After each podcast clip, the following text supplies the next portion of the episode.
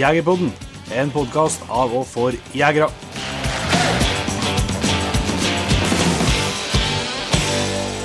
Hjertelig velkommen til en helt ny episode av Jegerpodden. Jon Ingevik, er du, i form? Ja, nå er humøret på topp og klar for en ny prat. Ja. Jeg vet at du akkurat har runda av eksamens, eh, eh, eksamen her, så jeg syns du ser overraskende blid ut til det. Ja, Jeg har ikke fått vurderinga ennå. Nei, jeg har ikke det. Det kan fortsatt være muligheter for å justere humøret. Ja. Nei, jeg vil ikke være ferdig. Ja, det er bra, det. Du, vi skal i dag eh, ha med oss en eh, kar som heter for Helge Jacobsen, som vi var innom og prata med på uh, turen i Nord-Norge for en uke siden. Mm. Uh, Da var vi jo først av den episoden vi gikk ut, vi prata med en Espen oppe i Nordreisa. Og så fikk vi et tips om at vi kunne prate med en Helge, han bodde i Sørreisa. Tenkte jeg at det må være kjemperadio, det må jo ligge vegg i vegg. Jeg gjorde ikke det. Jeg gjorde ikke det. Tre timer å kjøre. Så det er avstander når en kommer nordover, det er helt på rennet. men det var vel verdt eh, turen. Vi prater med en Helge om, eh, om eh, både elgjakt og forskjellig annen jakt. eh, mye, mye hundeprat. Helge har jo eh, har topphund og har hatt mye bra hunder og avla fram mye bra, og har et enormt erfaringsgrunnlag etter hvert fra alle mulige verv og, og instruktørposisjoner jeg har. Så det tror jeg kan være godt og interessant, eh, både om du jakter litt elg, eller om du jakter helt andre ting. Og ikke minst, eh, som nordlendinger flest, fantastisk godt å fortelle historier. Absolutt. Så her er det bare å, bare å henge på. Men eh, jeg har jo notert meg via sosiale medier, Jon Inge, at eh, du ble eh, såpass inspirert til praten med en, eh, Thomas eh, om langhårskjøting. Syns du at du var ute og måtte eh, prøve å strekke hånda litt i helga? ja, ja det. Nei, det var samla sånn, og hengte opp noen harddocksplater i diverse størrelser ut på lengre hold og prøv, prøvd å treffe, da. Ja. Legg vekt på prøvd. det, det går noe skott, ja, når man begynner på med det der. Det Ja. blir fort noe skudd i banken. Gikk dere eh, Var dere borti blinken noen ganger, eller? Eh, ja Ehm, Skal ikke være den som traff minst, men jeg forsvarer den ganske heftig med med dårlig egna kaliber og kulevalg. Ja. Eh, Ja, han har slutt, så det er bra. det skal skje. Han som lå på sida av meg, han uh, lurte på hvem jeg skulle prøve på tredjehjul først. da. Det var en liten blink på rett i gang 1070. Og så lurte han på hvor mange knep jeg har justert opp i forhold til appen på Meopt-appen. da. Ja. Så han er 30 knep, viser han her. Han, holdt, han lå fra før, men han holdt på å slå en runde rundt. han syntes det var steika mye i forhold til, til seksamen sin og de kulene med bra BC som han har. Ja. Så det ble ikke, jeg ble med mer sånn spotter ut på 500 og 700 meter, men um, vi konkluderte fort med at eh, med at uh, vi må flytte bane, vi, kan ikke, vi må finne mer egnet plass, for uh, til tross for at vi opplevde det som vindstilt nedpå der vi sto, så var det uh, veldig mye vindavdrift oppi de, der blinkene sto. Mm. Overraskende mye. Så um, vi må rett og slett ja, flytte bane, så vi får, for det ble så mye på lyke og fromme, liksom, om du treffer eller ikke. Ja. Ja, altså Du klarer å se helt nedslaget, antar jeg, så har du ikke Ja. så mye å, å hjelpe deg med. da. Nei, det ble litt sånn, eh, det ble litt sånn eh, bingo, rett og slett, om du treffer eller ikke. Så mm, Det kan jo, kan jo være Det er en, det er en vanesak, det, da. jo da. Det er en bingofølelse. Det er så klart. Det er så klart. Men eh, det har vært liksom å kjenne. De gangene jeg prøvde før, så har jo vært, har jo forholdene vært bedre til rette for det. Og da ser man jo at det Du treffer ikke hver gang, men i hvert fall i nærheten. Mm. Men uh, det er klart, uh, blinkene her sto nest, ja, så se opp i fjellet, og, og med den vindtrekken som var da, så ble det liksom Det ble mye avvik, så vi må trekke den lenger ned i Lårlandet. Det får vi vel komme tilbake til når, eh, når vi kommer så langt. Men det, det er jo godt å høre at det ikke er bare bondeopprør som står på agendaen. Ja, nei, det må koble av litt fra det òg. Men det er jo veldig bra. det, altså. Ja, det. Og Jegerpodden vi støtter bondeopprøret 100% Ja, det skulle Hvis bedre mange.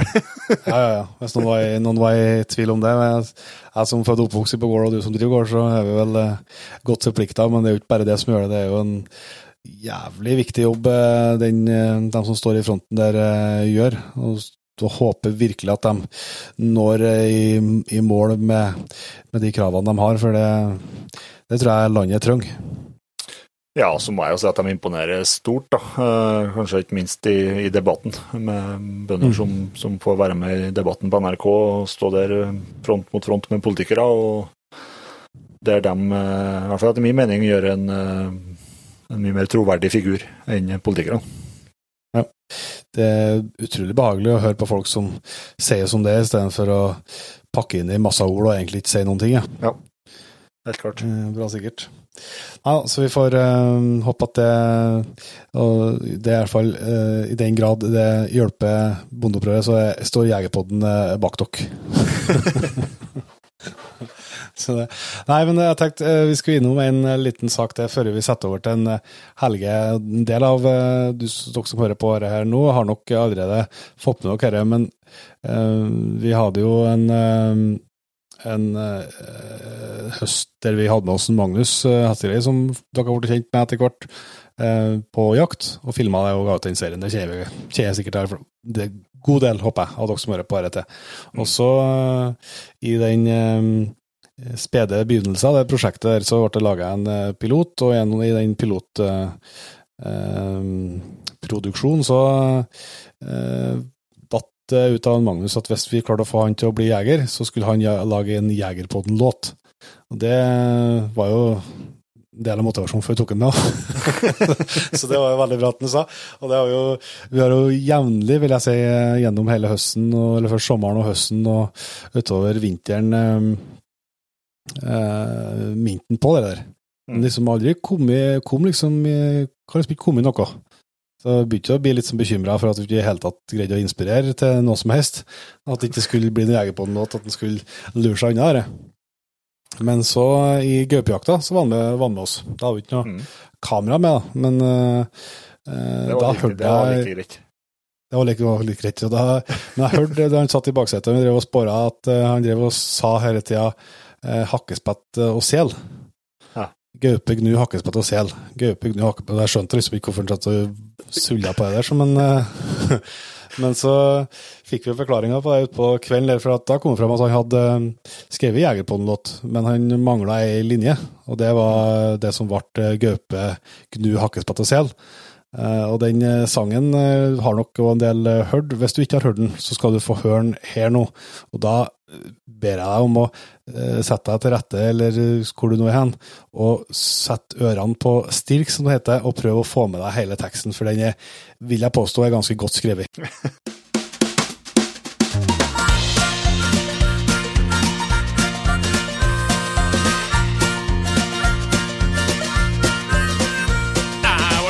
på jakt med Jegerpoddens menn. Ta gjerne med deg gitaren, vi trenger når vi kan brenne. På bålet, sa de eh, da. Jeg mente jeg har erfaring, jeg har skutt fugl før. Da holdt de opp en fangstrapport og sa Vi har skutt rådyr, pungdyr, nebbdyr, steppesebra, bison på den franske riviera. Oter, ilder, mink og mår. Sisten var tynn og blå som en isbår. Ræv og en grevling som må skudd. Bakom huset den hjem, kvern på budd. Villsvin, marsvin, kanin og hjort. Laks og laka, makrell og mort. Men denne fisking, det sa jeg nu, tror jeg de snakker dere bort. Nå nei du, fisken vaka sendt, og vi skaut fort. Ja, vi har skutt i. Vi har skutt i. Dæven søkke hva dyr i døtti. Vi har skutt i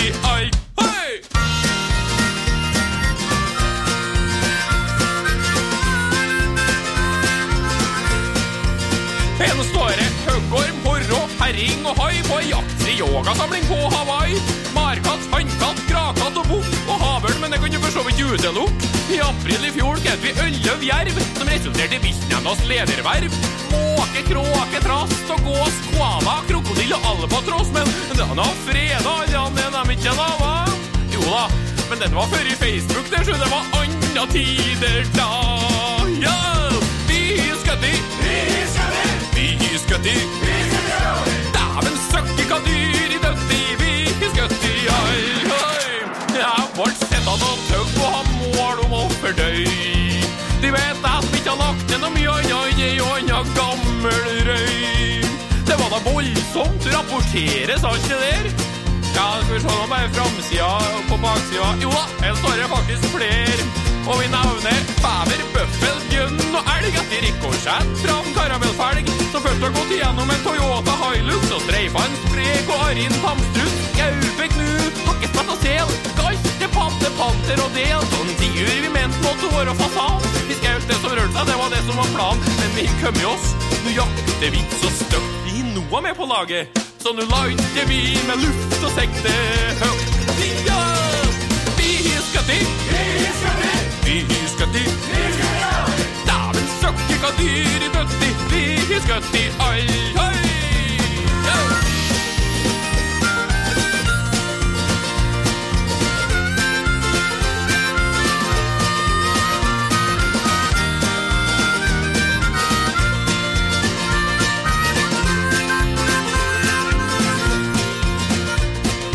Igjen ble jeg sittende og spekulere, og jeg fant ut det må da mangle noe her. Hva med ulven som river både rein og sau, og lar den ligge og pines før den får dau? Hva gjør de med sånt et dyreplageri?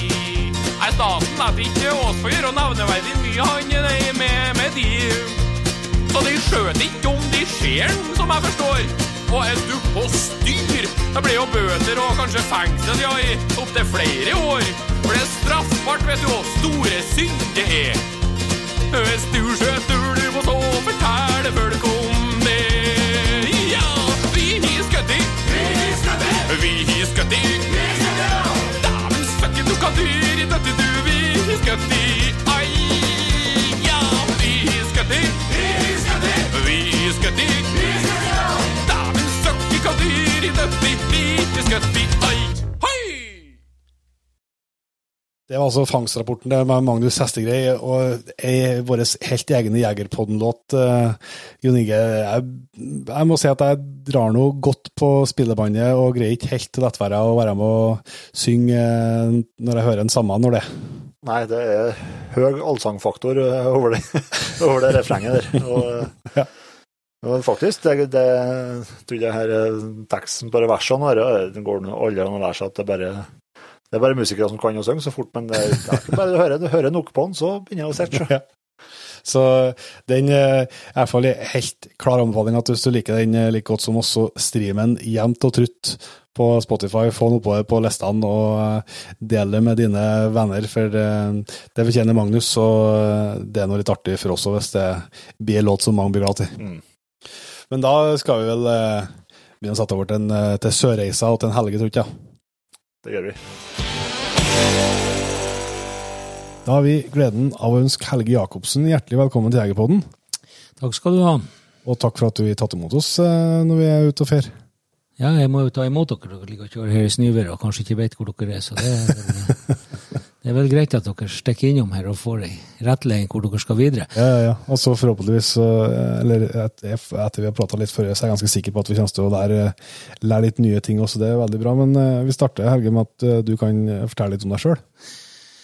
Ja, noen liker jo veldig godt å prate om seg sjøl. Jeg er ikke så veldig glad i å prate om meg sjøl, men jeg, jeg, jeg bor jo i Sørreisa, og jeg har jo egen, egen Bjørgaskogens eh, kennel som vi driver med, svarthund og, og eh, husky, Siberian husky-hunder. Så eh, det er jo det vi driver med. Jeg er jo, jeg er jo passert 50 pluss her, jeg blir jo 54 år her nå. og, jeg, jo, jeg begynner jo, hva han sa, jeg har vel gått over topp kanskje.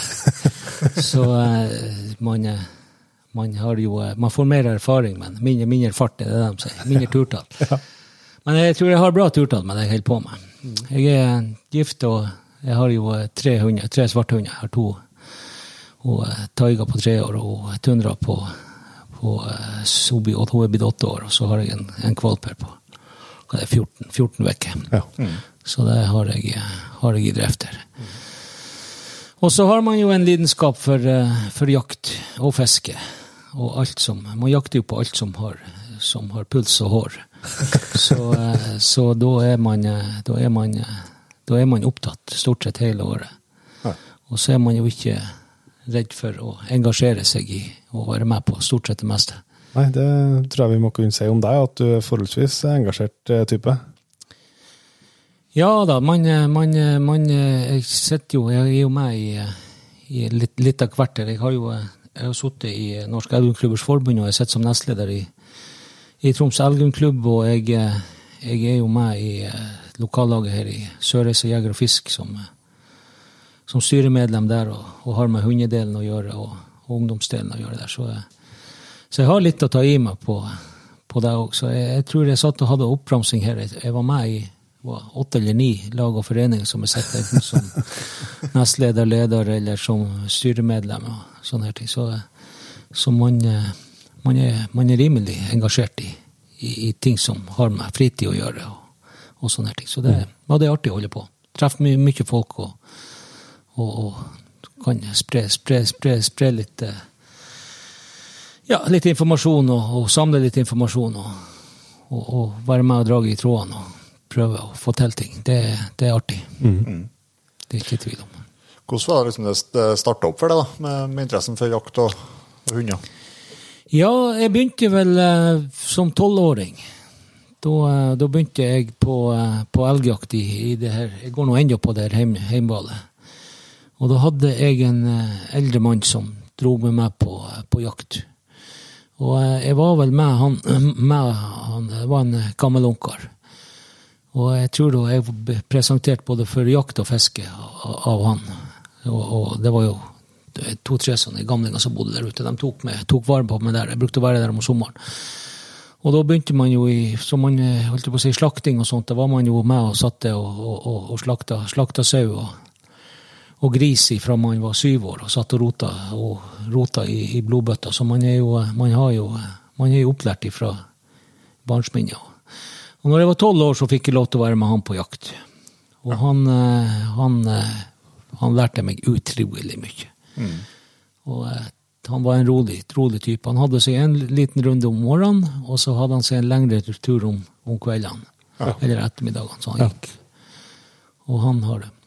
Men eh, det var jo det heimterrenget, så han eh, Så vi gikk jo der. Vi ble jo veldig, veldig godt kjent i det heimterrenget. Og eh, jeg ser jo i ettertid at jeg tror ikke man blir en god jeger og bare går på sitt eget heimterreng. Jeg tror man må, man må ut i, i, andre terreng og treffe andre folk og, og, oppleve andre terreng for å lære seg å bli god og lese terreng og, og for, å få, for å komme seg, komme seg på høyden i forhold til å ta seg fram. Og stå, på, stå på rette plass til rett tid. Ja.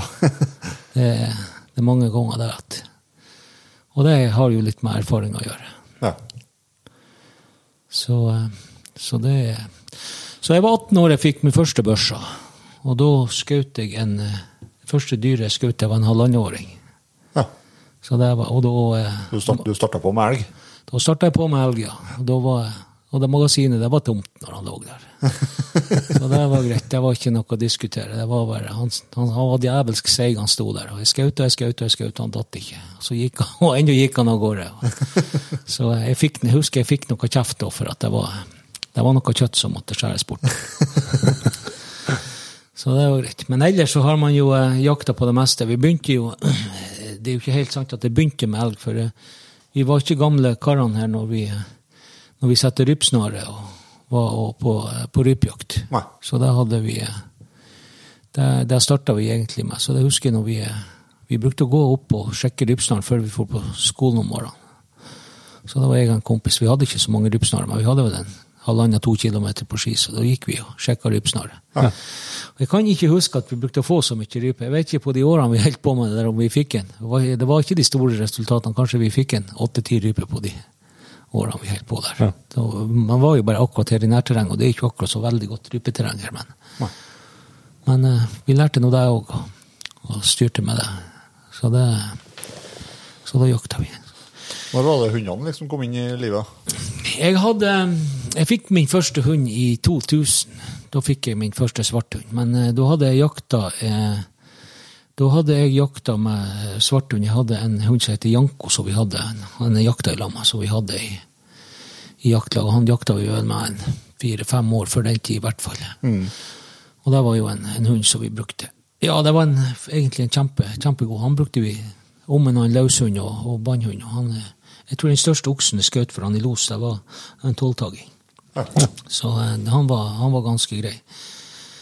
Og, eh, men han var jo bannhund for det meste, og han var òg en sta gamlerik. Visste han at det var elg der, så nekta han å gå. Han, han, gikk ikke for, han gikk ikke hjem før vi hadde Før vi liksom hadde funnet han eller sett han, eller fått han av gårde, eller et eller annet. Så, det var, så da starta jeg med, med svarthund. Og, men så har jeg jo helt på med, med, med grå, gråhund òg. Jeg har jo en kompis som, har, som, har, som er gråhundmann. Så Ja. vi, jakta, vi har jo jakta i lag i mange, mange år. Og, Diskutert mye.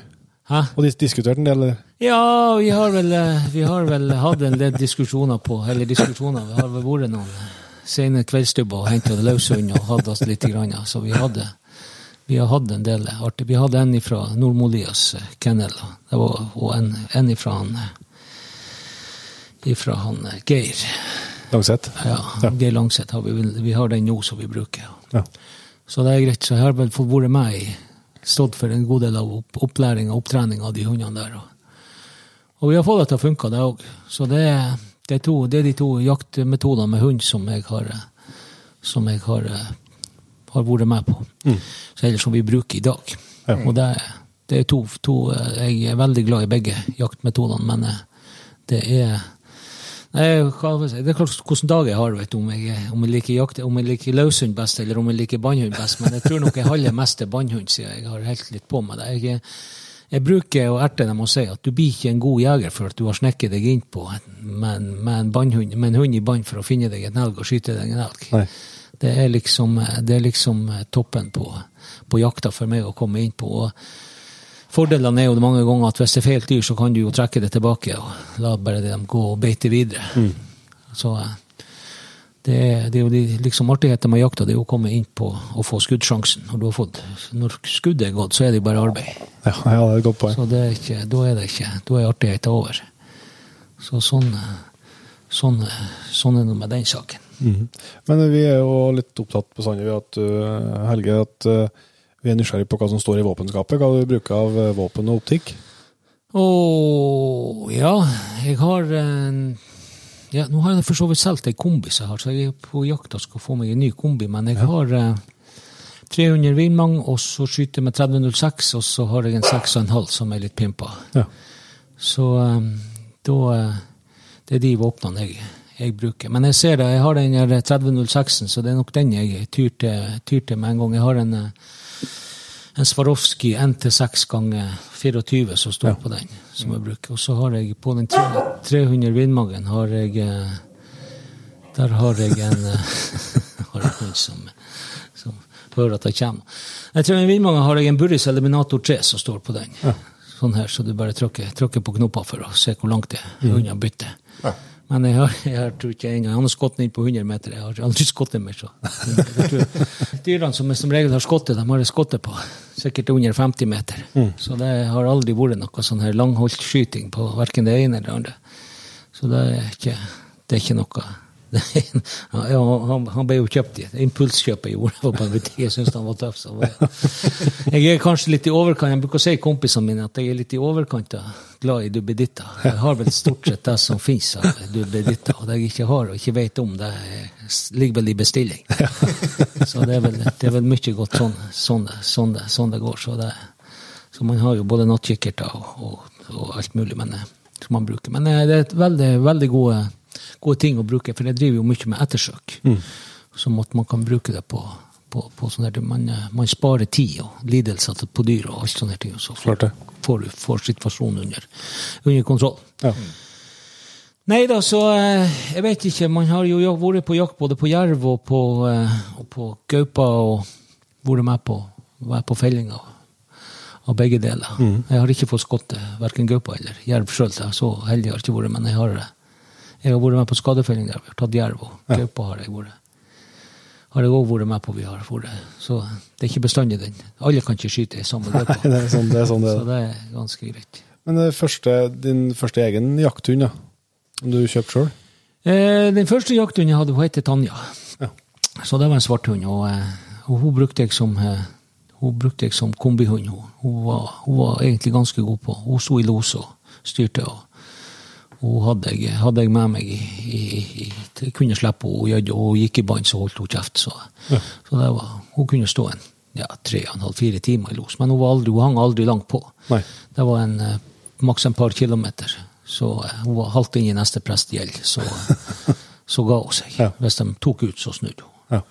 Så det, det, og det var for så vidt gjevt. Vi har smale, smale små hvaler og privat, de her privathvalene som vi ligger og jakter på, så det Ja. kan være greit. Greit å slippe å, å, å, fare på milevis etter. Ja, er. Men den hunden den ødela jeg jo som løshund. Jeg hadde jo, eh, jeg hadde jo noen episoder jeg var, jeg, var, jeg drev med, med når vi holdt på med å jage, jage sentrumsnær elg, så var hun utrolig jevn. at jeg brukte å ta henne i vannet også. Når vi da hadde jaga elgen et stykke og fått den ut da, på øversida av boligfeltene, så brukte jeg å sende henne etter dem. For hun for ikke så forferdelig langt da. Så brukte hun å være lydig. Så da eh, så da eh, sylte hun av gårde, og så fikk hun av gårde, og så kom hun tilbake igjen. Og der fortsatte hun med da, det samme året jeg hadde helt. Den vinteren var mye sentrumsnær elg.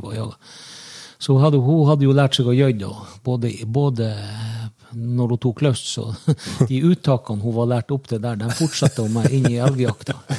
Så det var jo bare fire-fem minutter, så hadde vi hadde jo en plass der det var noen elger der. Og det var ikke mange minuttene hun brukte, for hun sprengte av gårde først én, og det sto noen igjen. De kom tilbake og sprengte en annen vei, så det var rimelig tungt.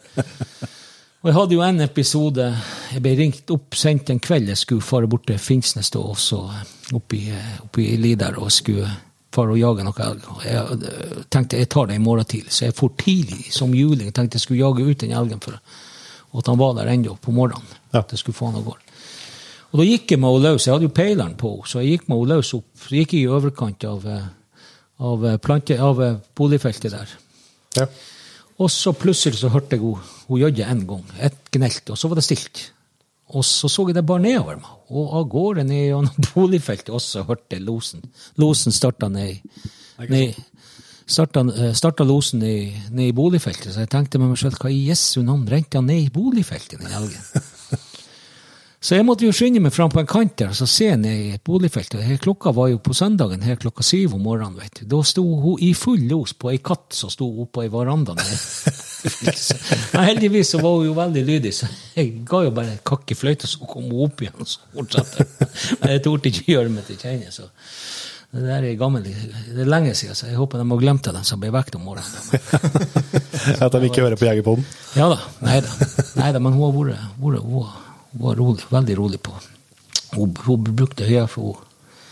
Jeg har alle de svarthundene jeg har hatt, de har ikke hatt det her, det her at de skal drepe noe. De har, de har, de har et sånt gemytt som eh, gjør at de, de angriper ikke de her byttedyrene sine. Selv ikke, jeg har ikke hatt noen som et mus engang.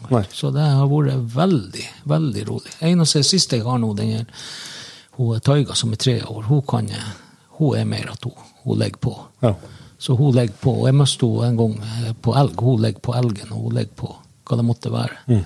Så det, hun, er, hun, er litt mer, hun er litt mer sånn at hun skal komme hjem med det hun har. Litt råere, råere sånn, ja. Hun har fått, ja. ja. Nei, så det var hun, Tanja hun var, den, eh, hun var den første hunden jeg hadde, og det var òg en kjempefullvettig hund, så det var en, en god hund. Så hadde jeg en hund i, imellom der, og, men hun mistet jeg i ei ulykke her. Hun åt, hun til hundemat kombinert med ei eske knappenål, som hun var reiv ned. Hun reiv ned kattematen, nei, hundemat, kattematen rev hun ned fra ei hylle og, i lag med knappenål, og det, det overlevde hun ikke. Nei. Åh, Så, så hun for. Tragisk. Og så fikk jeg hun Tundra. Vossasvarten Skje Tundra fikk jeg kjøpt hos sånn Jarle Rogne nede på, ned på Voss. Og hun har Det er vel en hund jeg aldri får igjen. Og jeg har jo, men altså sånn på det nivået som hun har vært, hun har vært helt unik. Hun har, alt som jeg har sett henne til å gjøre, det har hun også takla, takla på alle, alle mulige måter. Hun har jo eh, hva det var, fem, fem championat har hun. Så hun er både norsk og svensk eh, utstillingssjampion og, og norsk og svensk jaktsjampion, pluss at hun har villsportsjampionatet. Så hun har toppa det meste hun har, hun har tatt. Hun ligger vel oppunder elleve jaktprøver har hun starta på, og elleve førstepremier. Hun ligger vel under 90 poeng i snitt. Så hun har vært helt unik. Men nå skal det sies at jeg har jo jobba med henne noe utrolig. Fra hun var bitte, bitte lita, så var vi antagelig Hun var vel aldri lenger så fem meter unna meg til hun var antagelig to år. Så det var, det var det var en hund som ble fulgt opp noe enormt. Jeg har ikke brukt så mye energi på den her siste nå, men Så det har, det har vært Hun har, hun har, hun har eh, vært trent opp til kadaverhund og brukt henne, gått hele somra med kadaverhund. Brukt henne på rypejakt og brukt henne på den jakta som jeg måtte ønske, ønske å ha henne. Så hun apporterer rypa når jeg er på rypejakta. Det er det er en sånn her kombi, kombihund som alle. Og det viser jo egentlig det her svarthund sine egenskaper. De er utrolig gode å tilpasse seg de her, det, det de blir satt til å gjøre. Og det, det gjør at jeg er veldig glad i, i akkurat den rasen. Når, når var det liksom gikk opp for deg at det var en, at du, eh, Taiga var en spesiell, eh, spesiell hund? Ja, Ja, Tundra, ja. ja Tundra, mener jeg. Eh, nei, altså, det, du, du ser jo etter hvert hvordan hunden vokser til, og, og, og hva, de, hva de gjør. Jeg ser den her, eh, Nå har de jo en, en eh, kvalp, ny kvalp nå. og De løser oppgavene så, så Altså, de finner ut av ting. De forsker på ting. og hele, altså du, du, Når du står opp om morgenen og du ikke skjønner hva som ikke sant, Hundene de har jo lett for det. Hvis du setter noe, noe mat som de når, så er de jo og stjeler det. Og når du da står opp om morgenen og har lagt henne i Hun bruker å ligge i buret, hun elsker å ligge i buret. Hun går jo i buret sjøl og legger seg. Så noen kvelder så bruker jeg bare å legge burdøra over. Hvis jeg har noe stående ute eller et eller annet. vet så, så. Og når du står opp om morgenen og det er borte, og burdøra er igjen kan du lure på hvem i faen som har vært og tatt det her. Så, men jeg begynte å oppdage jo, Hun åpner jo døra, burdøra. Hun går jo ut og inn i det buret uten å åpne døra sjøl. Så det, det er ganske greit. Det er hun. Det, har hun noe inne i buret, så går hun inn i buret og henter, og så går hun ut av buret igjen. Ja. Og døren, hun åpner det bare akkurat så mye at døra smekker igjen. Så det oppdaga jeg jo at det var hun jo. Og når hun er sulten, så ramler hun med skåler og styrer og, og holder på. Nei, så hun har jeg, hun har jeg, hun har jeg gjort mye med. Jeg, var jo, jeg har vært nede på Flå og gått den sporene hund med henne, så hun har jo både del én og to og tre der. og Ja, hva det går ut på, det? Sporende hund? Den sporende hund det er jo et ganske omfattende kurs der du har inne både smeller og, og, eh, og ja, de skal, det skal være forskjellige dufter du skal, de skal gå på, og de skal skjelle forskjellige dufter. og Ja. du, skal gå, du legger forskjellige spor på kryss og tvers, og de skal, når du setter dem på ett spor, så skal de gå på det sporet til dem. For dem det er andre spor som er distraksjoner og alt i. Så det, det, det går over tre. Det er jo Jeger og Fisk som har de der, så det går over tre helger, det kurset. Så det er ganske tungt. Og så har hun jo vært årets jakthund i Troms Elgumklubb, var hun jo i 2015. Hun ble årets nest beste jakthund i hele Norge i 2015. Da hun tok hun andreplassen der. Ja. Så, da, så hun har hun har vist seg litt ifra, ifra sin gode side. Ganger jeg har mange ganger vært forferdet over den hunden. Hun har- var, eh, det er jo litt på, på den måten hun, hun jobber. Hun har, eh, jeg husker en gang jeg hadde et eh, Jeg var på kadaver, kadaversøk med henne, vet du. Og da går du jo gjennom saueflokka hele tida og, og sånne her ting. Og noen ganger har jeg jo løs. Hun, går, hun gjør jo ikke sauene noe. og veldig, hun, Det er ikke noe sånn at hun skal angripe når hun renner etter dem. Nei. Så husker jeg en gang jeg kom gående ned, så tok hun overvær. Og så gikk hun rett imot en saueflokk som lå på en haug. Jeg tenkte hva i Jesu navn skal du på med de sauene? Så vi gikk imot de sauene. Sauene røstet seg og gikk unna, men så gikk hun tvers over der de hadde ligget, så gikk hun videre inn igjen, så var hun helt kratt. Der markerte hun i et kratt. Der lå det faktisk alt et, et tjukt lam. Ja. Så hun var nesten død. Så det tok vi Klarte å skjelle ut liksom ja, fra da skjelte hun ut det lammet der, og det lammet der var vi jo, klarte vi jo, tok jeg jo med meg det lammet da, Ja. ned til bonden, og bonden fikk jo, begynte jo, fikk jo liv i det igjen, og fikk, ja. jeg vet ikke hva det var som feilte det, men det var noe, noe, det var noe sånn her eh, orm, eller innvollsorm, eller et eller annet som hadde, hadde tatt, tatt det, så han fikk jo behandlet det, fikk, fikk det til å kvekne til igjen. Så da skjelte hun ut det der over, gjennom hele saueflokken, så hun fant det der lammet, så det var litt, det var litt artig. Det er sånn at du blir litt sånn forferdet over hva hundene egentlig, Er sant, ja. hva, de- hva de egentlig jobber med. Ja. Så de har noen instinkt som, ikke, som vi må, er avhengige av for å bli effektive i jakt. ja. Så det, Ja, og som, og som overgår året så til de grader. vi har ikke, vi har ikke sjans, vi skjønner ingenting. Og det er jo der vi fleste gjør, når vi, alle som gjør feil, når de skal gå med en bannhund blant annet, det er jo at du overprøver hunden. Mm. Du overprøver hunden, og så har du faen så mange teorier oppi skolten din over hva som, hva, hvor elgen er, og hvor han har gått, og hele alt. Og, ikke sant? Plutselig så har du en hund som går etter et spor. Han går kanskje spor etter spor, delvis sporing, og så plutselig så skjærer han over, og så skal han over en haug, vet du, og så har han tatt seg en snarvei for at elgen har runda deg, ikke sant, og gjort en fiskekrok. Ja. Så, så huker hunden inn i den fiskekroken, og du har jo spart masse tid med det. Ja, klart det. Så det, det, det, det er bare sånn akkurat det er på. Så vi må ikke Vi må være forsiktige når vi går i skogen og, og, og, og, overprøve hundene. Og det ser man jo mange ganger med løshund, når man jakter løshund. Og spesielt sitter, når man sitter og ser på de peilerne, så er det jo og har utålmodige folk i lag så ser du at hunden har tatt ut et uttrykk, og så ser du at han begynner å, å tøve oppi ei li. Og så ser du at han går rundt og rundt og rundt, og det, det er ikke det han holder på med, den hunden, det er bare joss med den hunden. Så kan han helle på å spore spor for spor, og hvis du ikke har vind eller overvær, så kan han helle på sikkert ti minutter kvarterer før han tar videre. Men eh, da er de som regel ikke så veldig langt unna. Da har du som regel dags- eller morgensporene de er, Beitesporene. eller beitesporene om natt som de er og begynte å snøre på. Og når de da får snøra ute her, så fer de som regel den rette veien. Det er iallfall den erfaringen jeg har med det der. Ja. Så det er et Men, men uh, i og med at du bruker dem til så, til så mye forskjellig, og, øh, og både, både som løsning og bannhund, hvorfor, hvorfor endte du opp med, med svarthund, og, ikke ja, Naturlig å tenke gråhund øh, var et annet alternativ, da. Nei, jeg var vel såpass feit en gang i tida at jeg fant ut at jeg måtte jo gå på jakt. Jeg kunne vel ikke bare sitte på ræva. så, eh, så jeg, eh, jeg Nei da, jeg, jeg syns det, det er, Personlig så syns jeg det er litt mer spenning med å gå eh, med bannhund. Jeg bruker å si det at eh, hvis jeg kunne lage en duppeditt som jeg holdt i lufta med en skjerm på, så fortalte jeg at 500 meter framfor deg er en elg. Og nå kommer du nærmere, og nå kommer du nærmere, og nå kommer du nærmere. Og nå skal du stoppe, for nå er du 100 meter unna. Den duppeditten den skulle jeg ha gjort meg til mange, mange millionær på.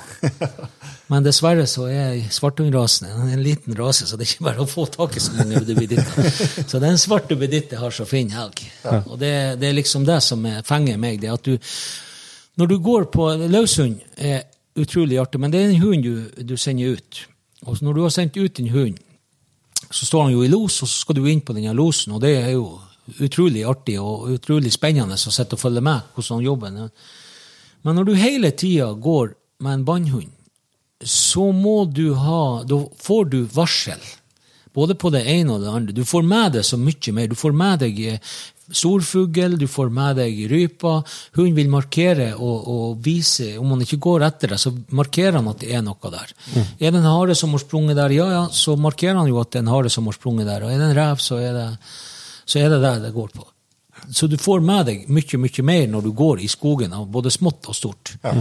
Det, det syns jeg det er den der, eh, den der eh, gleden med å, å, å få sjekke ut hva den hunden markerer til enhver tid. Det syns jeg er det som gir meg mest med å gå, å gå båndhund. Også det her at du må lære deg å lese terrenget når du går i terrenget, og, og når du skal opp ei li. Hvor, hvor er det lurt å gå? Ligger det fallved, eksempel, så går du ikke i, i den enden der, kvest, der det er mest kvest. Da skraver du over stubben, stubben eller der, det, der det er minst, minst støy og sånt. Så jeg, jeg våger jo påstand på at du blir en du, du må lære deg å lese mer terreng og bli en og, og du blir en bedre snikjeger med å gå med bannhund kontra, kontra eh, en, eh, en, eh, en løshund. For det er klart, har du en løshund som har tatt ut elg på en kilometer unna deg, og du skal begynne å gå inn på den her, så i begynnelsen så jeg har jo vært med på å gå inn at du liksom har truffet noen dyregrupper på turen bortover. Og det er klart at de dyregruppene de støkker du ut, og jeg har jo også vært med på at vi har støkka ut i dyregruppen på turen bortover, og så har de rent inn i losen, og så har hele losarbeidet blitt ødelagt. Ja, ja. Så, så det, det kan skje, det òg. Men eh, det hører nok kanskje til sjeldenheter. Men man har jo opplevd en del sånne her ting, ting, ting med det. Men eh, når det er sagt, så, eh, så har jeg ikke Jeg har, jeg har veldig stor glede av, av løshundjakt òg. Det, det har jeg. Det, det, det er utrolig artig. Men rase, rasevalget, altså at, at det ble svarthund eh, den første, første gangen, skal jeg si, når du kjøpte. Nei, vet du, det som, eh, det som Jeg, jeg, jeg kjekker jo på mange hunderaser når jeg når jeg skulle ha når, når, Det som egentlig gjør at jeg, eh, jeg bestemte meg for svarthund, jeg tror det var den der svarthund som jeg gikk med, han Janko som jeg hadde og brukte hele elgjakta. Jeg fikk jo bruke også, hos, disponere den hos han eieren. Han syntes jo bare det var artig at jeg gikk med den. Ja, Jeg fikk jo bruke den så mye som jeg ville. Og jeg tror nok det var nok han som, eh, som planta det frøet og gjorde at jeg ble hekta på akkurat det. At det gjorde at det ble den der hunderasen. Nå er det selvfølgelig eh, Jeg er jo av den formening at eh, du kan jo gå bannhundprøve med hvilken hund du vil, og Ja. trene opp hva du vil. Men jeg tror at hvis det hadde vært meninga Jeg har en kompis som bruker å si at hvis det er meninga hvis det hadde vært meninga at en jevnthund skulle gå i bånd, så hadde han vært født med karabinkrok i nakken. og og, eh, og eh, jeg tror jeg skal være litt enig med han i det, at, eh, at vi at vi skal vi skal ha litt respekt for hva de avler fram til hundene, og, og bruke dem til det de er la, la, avla for. Så det er klart, en, en jamthund som er lang i, lang i føttene og lang i ryggen, og er bygd for å, å springe, så da tror jeg at det er at det er det, er det som er, er det. Og det er nå det at har du en litt tyngre hund i bånd Du kan godt lære en hund å, å gå helt fantastisk fint i bånd. Det er ikke noe problem. Jeg har gått eh, kadaversøk med, med å gå på jakt med, med jamthund nå i bånd. Men når denne hunden skal nå hoppe over et lite bekkefar, eller hoppe over en stein, eller hoppe over et annet, så vil du nå i løpet av hele dagen, hvis du skal gå med en hund, få at han, han vil nå røkke i bandet av og til. Ja. Og det er klart, det er jo forskjell på en hund som er 11 kilo, og en hund som er 3-24 kilo. Så, eller 30 kilo. Så det, det er klart at du, du får det. Det, blir, det er tyngre å gå med. Og, og, og jeg vil jo si at svarthund som bannhund, så er han jo helt unik med at han har jo, han er snop. Han er, han han er rett, og så er det Det som jeg òg opplever en del ting med, med svarthund nå, er, nå skal det sies at uh, gråhund òg har fått noen bannhundlinjer som er fantastisk gode. Det er bare å si at de har eh, de har, eh, de har fått det der kjempegodt til. Og det, det man ser det på, det er jo når man, spesielt når man dømmer, det er jo det at de hundene, hvilken evne de har til å hente seg overvær. Mm. Og eh, hvordan de bruker terrenget. Altså Er det en stubbe, så er de å sitter oppå den stubben. Er det en stein, så hopper de oppå den steinen. Og så har du de hundene som bare går rett forbi og går med snuten nede og ikke, ikke, ikke får så mye med, med, med rundt seg. Og det er det der jeg skjeller ut de her hundene. Og der, er- der er svarthundene. Han har nok et eh, sånn jevnt over, så, så, så vil jeg påstå at, eh, at eh, svarthund er litt mer eh, er litt mer der at han, at han, har, han har omgivelsene litt mer med seg enn Ja. en, en, en, de her andre rasene. Men så er han jo avla for å gå i bånd. Ja, ja, det er jo det. han er avla for, Ja. så det skulle vel egentlig kanskje bare mangle. Så eh, Men du, du nevnte jo litt her altså, at du er en engasjert kar og er med i mye forskjellig. Du, har jo en, du er jo tungt inn i vil jeg si, dommergjerningen. Dommergjerningen begynte jeg med eh, Jeg tror det var i 2010. Ja. Da eh, ble jeg oppfordra til å og, og, og, og, spurte om jeg ville være dommer. Og når jeg da skulle bli dommer, så kulte jeg meg over hele rekka. Så da eh, fant jeg jo ut at da måtte jeg jo være med på alt. Ja. Så eh, da utdanna jeg meg både eh, som bannhunddommer, løshunddommer og som ettersøkdommer. Ja. Og i tillegg så ble jeg aversjonsdommer da innom jeger og fisk. Ja. Så jeg jobber litt med, jobber litt med det òg. Jeg, jeg, jeg driver med aversjon. Jeg, ja, jeg har vel 30 hunder kanskje for sesongen at, jeg, at jeg har driver med aversjonsdressur. I fjor jeg vet, jeg husker ikke hvor mange prøver jeg dømte i fjor. Det- blir noen prøver. 15-20 løshundprøver. Jeg vet ikke, I fjor var jeg ikke så veldig aktiv. Fem-seks Fire-fem-seks bannhundprøver i fjor. Eh, ettersøksprøver ti-tolv, noe sånt. Så Det blir det, det er en del dager, det, da. ja, vi, er, vi bruker jo, det er jo det vi bruker tida på. I tillegg så, så driver jeg jo som de driver jo, er jo med å holde kurs og holder kurs og med på, med på det meste innom det òg. Ja. Så man har, man har en del ting. Så er det jo de, alle de duppedittene jeg har òg, og så er jeg jo fæl å sette meg inn i hvordan allting virker. Ja. Så jeg ser jo eh, det første Ja, kan si om kvelden den, den, den 24. fra midt på dagen og utover, når de her eh, kallene er og leter fram GPS-ene GPS sine og skal sette dem på lading, da ringer de. Da, eh, da sitter jeg stort sett i telefonen hele kvelden, og så Support. har jeg stort sett eh, Når jeg da tar første pausen på jakta, så har jeg sikkert en 10-12 sånne ubesvarte sånne, der de ikke har funnet hverandre. Så jeg, jeg holdt en del kurs på Garmin GPS, blant annet, Ja. som jeg har fått holdt på å si, jeg hadde litt opplæring på det òg. ja, det er bra. Så det, det, det har jeg, det har jeg sett, meg, sett meg godt inn i. Så har jeg, er det jo sånn, nå bruker jo folk å spørre hvorfor du ja, hvorfor kan du. Du kan jo menyen uten. Ja, men så sier så det er bare les. Men det er jo ikke riktig sånn, for det blir jo sånn at når, det, når, folk, når man repeterer ting ofte, så husker man det. Ja. Og det er klart at hvis jeg ringer to-tre stykker i løpet av dagen eller en, eller si noe i snitt annenhver dag to stykker, eller Ja. så det er klart at når du da har repetert det her første 14 dagene i, i elgjakta, Så begynner det å sitte, så begynner det å sitte. Så har jeg jo sittet som eh, prøveleder i nå det fjerde året jeg som prøveleder i, på Laushund. Her, og det er klart at da har jeg òg mye, mange ting. Så nå er, nå er jeg kommet Nå er jeg eh, man, Og man er nødt til å fornye seg. Ja. Så det er klart at nå er det jo trekker og vidhunt det går på ja. for det meste nå. Så nå må man jo komme seg inn på, inn på rekka der òg. og- så det er jo blitt en del sånne her nye peilesystemer og sånne ting. som man Jeg tror jo det er, det er jo sånne typer som deg, Helge, at som det her, alle her foreningene trenger. Altså sånn engasjerte typer som deg. I tillegg til alle dommergjerningene som, du, som du holder på med, og jeg strømmer dem i, i, i mye rart. Og så er du i tillegg skadefinningsleder. Jeg er skadefellingsleder òg, ja. Jeg er, fire, er fire skadefellingsleder i, eh, i, eh, i eh, Senja kommune. Senja, Sørreisa, eh, Målselv og Balsfjorden. Ja. Så der har vi vært med på. Så vi var jo med på Nå var vi jo Nå var jeg ikke skadefellingsleder, men jeg var jo med som personell når vi hadde den her pu- eh, forsøk på bjørneuttak ut oppe i Bardu når vi hadde den Ja. runden der også.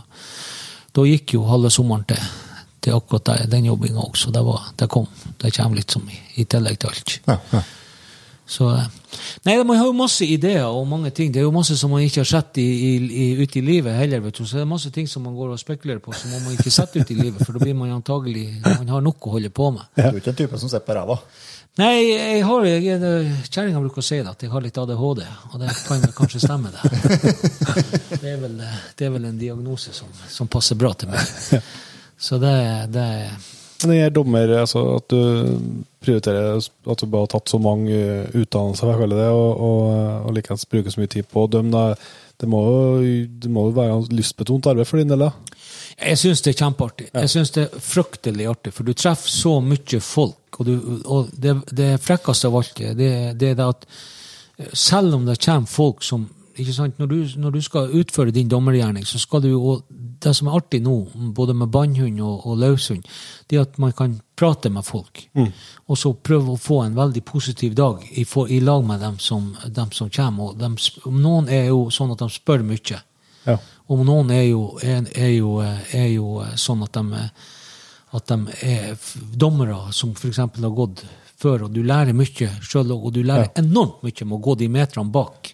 Og se både hvordan hundføreren og hvordan og hvordan uh, hund oppfører seg når de går i terrenget, og hvordan de går med banne og sånt. Jeg, gi, gi.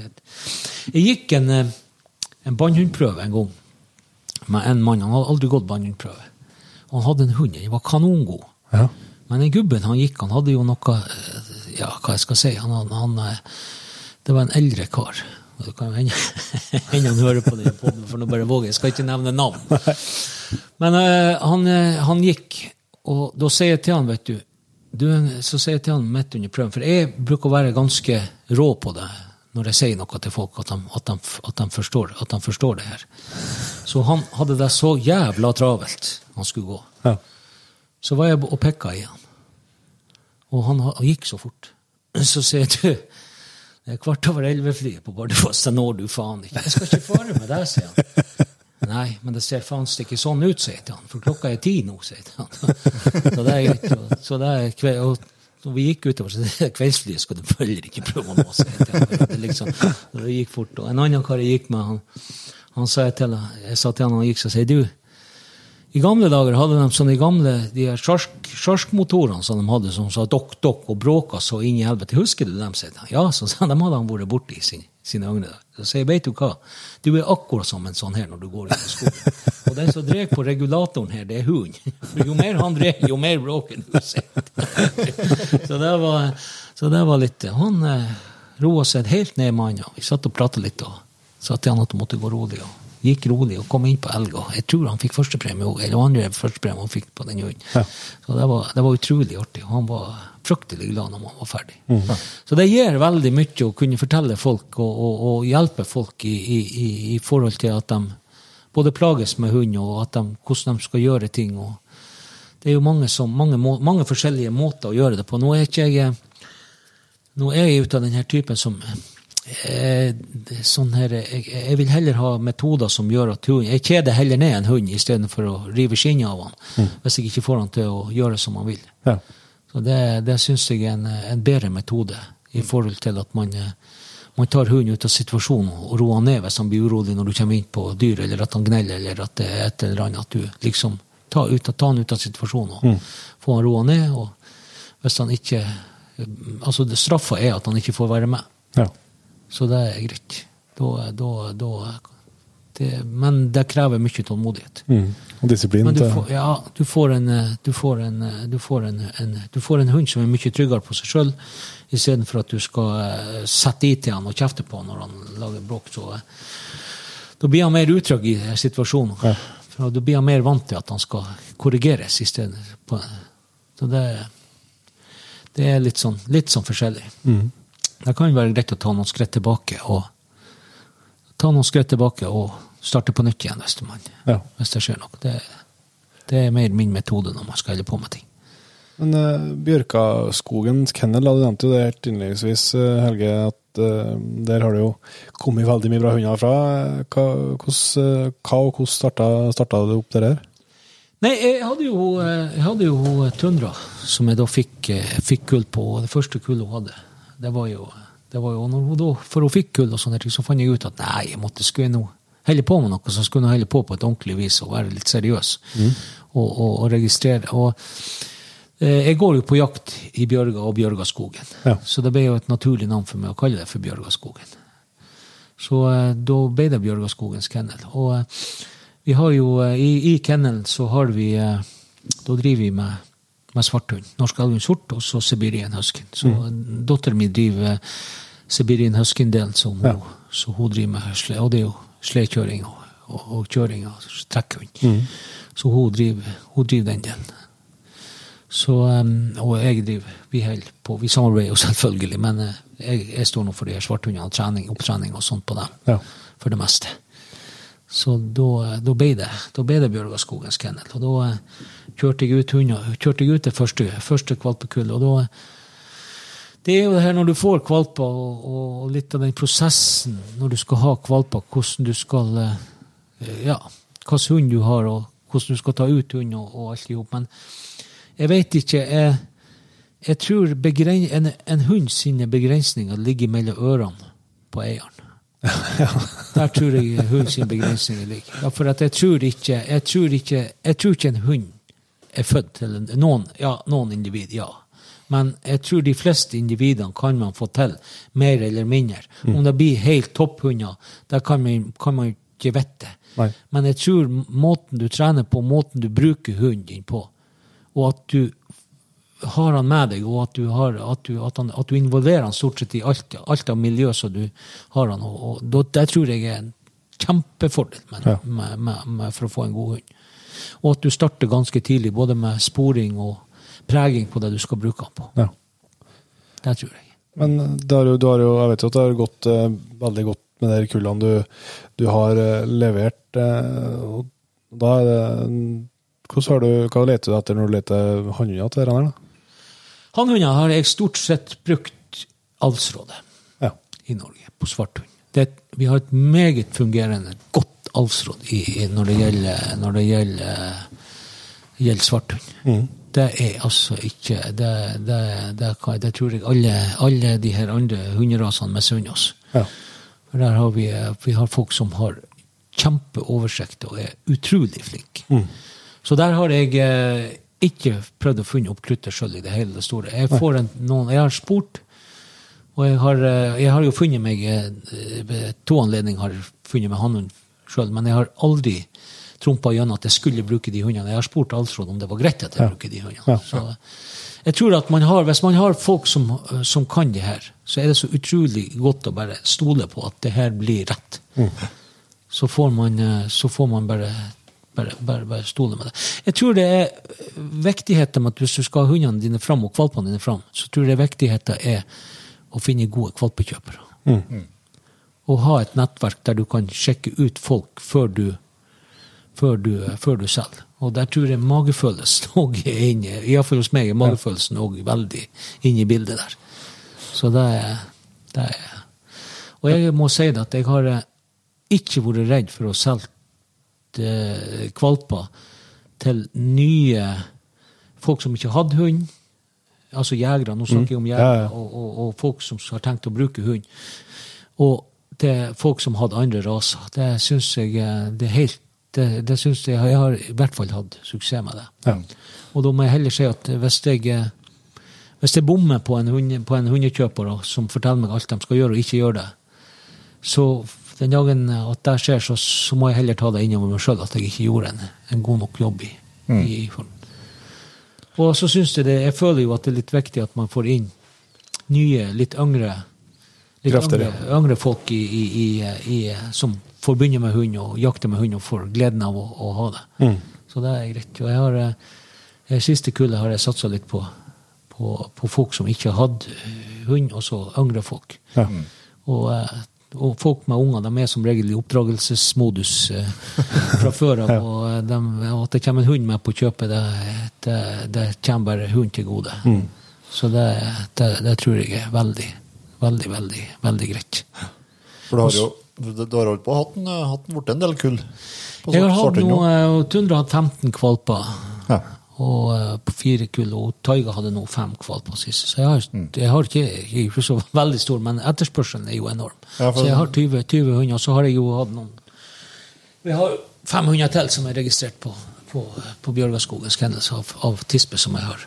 Ja. Som jeg, hadde, som jeg får brukt i, på, på, på, på navnet mitt. Ja. Ja. Men det er jo for Det har jo vært inn på før òg, for at det er jo en enorm etterspørsel etter, etter svarthundvalper. Jeg tror nå, vet du, at, eh, at eh, Jeg skal ikke si at det er aldri så galt at det ikke er godt for noe, for, det- for, eh, for det er vel ikke De her stakkarene som bor i det her ulveområdet, de orker vel ikke å, å slippe hund i ulvekjeften. Nei. Og da går de mye godt over til til til bannhund. Og Da er det vel ikke en gjemt det er vel ikke så artig å, å gå i, i bann med når du vet at det er en løshund. Så det er ikke Altså hjort, hjortejakta, det er stadig flere som tar i bruk dem på, på hjorten nå. Ja, og hjorten er jo òg Nå skytes det vel mer hjort enn Elg. på, på landsbasis, så eh, det er klart at der har du en, en kjempefordel med en bannhund. Ja. Og der er vel ikke løshund løshund så veldig attraktivt. Det blir bare fart, fart full fart der. Tror Bannhund er mer effektivt der, ja. Det er nok det som er. Så det, det er nå bare sånn, sånn det er. Så det, nei, det er en populær hunderase. Fryktelig populær. Jeg tror han er nett. Uh, lett å få med seg. Du trenger ikke å fylle, fylle bagasjerommet med, med mer en, øh, et, normalt hundebur. Nei. Så har, du, øh, så har du plass til han, og så, og så har du Så får du så han, han, Jeg bruker å si de er halvt katt, de her hundene. De er så spretne og så, så lette å ha med å gjøre. Så det Ja, så ser jeg, men det har jo i hvert fall min opplevelse at det blir blitt enda bedre enda bedre lynne på dem òg. Ja, du kan si at men eh, det lynnet på de hundene var vel før, i gamle dager, så var det vel, hvis jeg snakker i gamle dager, langt tilbake i tid i hvert Ja. Så var det vel sånn at ungene kunne vel ikke gå til hunden, han skulle vel stå botten i, i fjøsveggen med, med, med, i en kjetting og mates med jernriver. Da var det en god jakthund. Men der er vi, vi er jo borte fra. Ja, heldigvis. heldigvis. Altså, du kan jo, de, de er jo øh, snille i alle retninger nå. Vet du. Det, de, de har, det er tatt mye bort av den her. Og avla bort den aggresjonen. Ja. jeg skal si. Det var jo ikke, De skulle jo ete alt de hadde. Alt som hadde puls. Mm. Så det var, det var, det var nå bare sånn det var. Og det var jo sånn, Før var det jo sånn med løshunder at det var jo, det var jo knapt nok eieren som kunne komme til fallet. Ja. Så det var, det var, Men det er jo stort sett slutt, det òg. De er jo blitt avbalansert som mulig. Ja, det gjelder jo flere og flere, altså. Ja, ja. Som, ja da. Som har fått, ja, eh, da som, de har fått, det de har fått bort Gemynter kommer på plass. De har fått bort alt det der. Jeg var i eh, Sundsvall og, og, og, og, jakta der. Da hadde jeg, hadde jeg eh, en gråhund med meg. Jeg, jeg hadde jo svarthund òg, men jeg hadde gråhund med meg. Slepte, det der nede, vet du. Og jo, han føk jo av gårde. Han fant jo noe i der skogen der, myren, og skogen der, og føk av gårde. Og ut av, ut av Garmin-peileren, og borte var han, vet du. Ja. Og vi fant ikke hund. Han var borte, og vi kjørte rundt. måtte vi kjøre rundt. Vi kjørte flere mil rundt over den haugen han hadde foret. Så kom vi rundt den haugen, der, da fikk vi han inn på peileren. Og så jo på kartet at det var en skogsbil. Vi kom, vi kom opp på enden av den skogsbilveien. Da satt han botten hadde en botten og satt han botten på enden av skogsbilveien i buska. Og han så jo ut som han hadde vært i to verdenskriger, denne hunden. Han var jo blodete over hodet. Jeg tenkte hva i Jesu navn har skjedd med denne hunden? Og jeg var Knaut løs den hunden, og den hunden, han skulle tilbake. Han skulle opp, Så tenkte jeg jeg skal ta hunden, så skal jeg opp og se. Jau da, det var det to vommer der oppe. Og da hadde selvfølgelig nabo, nabo Da Han hadde jaga over til naboen der. vet du. Grannen. Så de, altså, de hadde skutt i de to dyra de skutt for han, så, så det var bare vomma som lå igjen der oppe. Da hadde de tatt dyrene, og så hadde de foren. Så det, gikk. Så det var ikke et menneske. Der satt hunden alene borte i buska. så sjekka jo telefonen. Jeg hadde jo ti ubesvarte telefonsamtaler. Ja, ja. vet du. Og da jeg fikk tak i han der eh, som hadde, den som hadde skutt av meg. Det var en snill hund, sier han. Meget snill hund. Han, han, han lot oss komme til, komme åt, sa han. Så sier jeg, skulle han ikke det, sier jeg til han. vet du. Så det var, ja, vi skulle bare sende mer elg dagen etter. De hadde noen til på kvota, sier han. Nei, så det var litt, det er litt, det er litt artig når det vilt fremmede folk kan komme, Ja. komme bare, og, og hunden ikke eter opp, så det, det er artig. Det er sånn det skal være. Ja, det er sånn det skal være, heldigvis. Vi har snakka litt om uh, tundra, men uh, du har jo ei til her som heter Taiga. som det også, Du sa at du ikke har lagt like mye energi, men det har ikke gått, uh, det har ikke gått dårlig med håret, vil jeg si. Nei, hun har jo eh, Hun har jo hun, Taiga hun er jo eh, på et kull av De var tre i det kullet. En eh, hannhund og ei tispa til. da. Og de har gjort det meget skarpt, alle de tre, tre hundene der. Og, og Taiga har jo òg gjort det veldig godt på jaktprøver, det skal, det skal være sant. Vi har gått eh, tre, jeg har jo bare gått tre jaktprøver med, nei, fire jaktprøver med, og ene gangen så gikk vi, da var det ikke elg i terrenget, så da var det lite å hente. Men ja. de andre gangene så har hun jo gått til solide førstepremie, hun òg. Så hun har jo gode god å spore òg. Og hun har, jeg, hun har jo vært med på eh, det her eh, hun, i, Når jeg fikk henne, så ble hun dedikert til bjørnesporing. Ja. Så hun hadde jeg ikke til Hun hadde faktisk avlært elg. Ja. Så hun hadde det, i sin første tid her så fikk hun, ikke, fikk hun ikke lov til å gå etter elg. Nei. Så, eh, så hun skulle ikke gå etter elg, så da trente jeg gå bort ifra elg. Så når jeg så et elgspor, så var jeg og la et, drog et sånn bjørneskinn og, og, og la et bjørneskinn over, eh, over og dro over elgsporet. Ja. Så jeg vet mange ganger i Skibotn når det var elg på jordet der, så la jeg, dro jeg ut eh, bjørneskinnet, og så venta vi til elgen bare gikk der ned på jordet, og så var vi, tok jeg hunden med meg og jaga elgen av jordet og sporet etter det bjørneskinnsporet. Så hun var dedikert til det, så bjørn, eh, da fikk hun ikke gå etter. Men eh, det ble litt råflott. Hun, hun er jo godkjent, hun har jo gått de her godkjenningsprøvene på sporing av, av bjørn, Ja.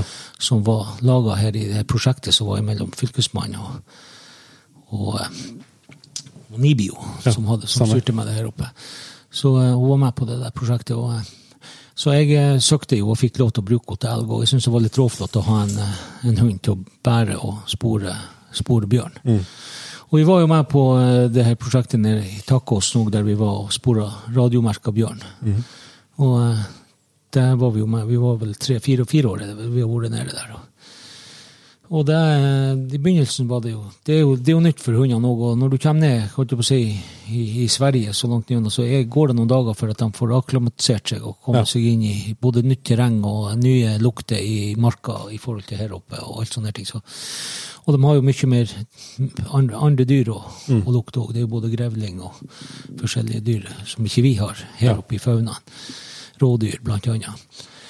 Så det er jo, eh, når holdt jeg på å si, når du da fikk hun, eh, fikk hun eh, puncha inn på det der, så funka hun faktisk veldig godt på det òg. Så de testene der gikk veldig bra på slutten. Og, fikk, fikk gjennom. Men nå kom jo den koronaen, så vi har jo ikke Og det prosjektet ble jo lagt, lagt død da. Ja. Så det ble jo verken bjørnejakt eller, eller det her i fjor. Nei. Så det Du har, du har noe våpen hvis det skulle trengs, da, hvis det blir noe skadefelling til sommeren, eller? Ja da, vi har jo hatt eh, Vi har jo vært Vi har jo, vi har jo kan jo, Hun kan jo brukes til det, så det er ikke noe problem. Men eh, alt, sånn, all trening og sånne ting, det må man være forsiktig at ikke ruster bort. Ja. For eh, det ruster fort, de ruster fort ned, hundene. Det er ferskvare. Ja, alt sånn her er ferskvare. Så det, skal du ha en, en, en hund som du skal teste og vet at han går på bjørn, så bør du bruke han hvert år. Og gjerne flere ganger i året, sånn at du får at du har noe å gå på. Ja. Hvis ikke så tror jeg, tror jeg de, de dør fort hen. Men eh, det var jo ikke lange tid å få henne over på, På elgen, ja. på elgen. Nei, da, det var bare et smell, så var hun, så var. Det var bare en bryter å slå over, så, ja. så var hun. Det var et par fall på henne, så var hun innafor. Mm. Så hun fungerer veldig godt på det òg.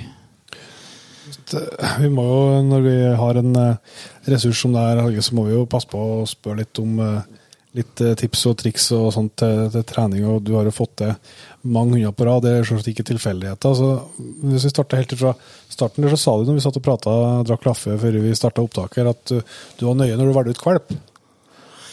Ja, altså eh, Jeg for min del har jo vært, vært heldig å, å, å kunne hente valp ut av mine egne kull. Når jeg har når jeg holder de her to som jeg har, to som jeg har nå. Ja.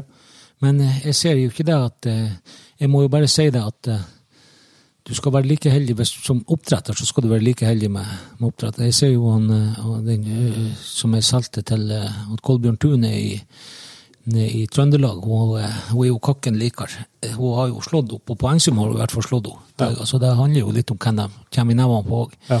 Men eh, det er, det er når jeg velger ut valp, og jeg skal ha valp til meg sjøl, så Jeg vet ikke. Jeg, mange ganger så har jeg eh, eh, når, jeg hadde, når han var oppe og valgte valper, så sa jeg til han jeg vet ikke hvem jeg skal ha dem. Du, får- du får bestemme. Så det var egentlig ikke jeg som bestemte hvem som skulle ha de to valpene, hvem som skulle ha de to siste der. Som, de hele de to tispene der. Jeg skulle ha den ene, han fikk den andre, han fikk velge.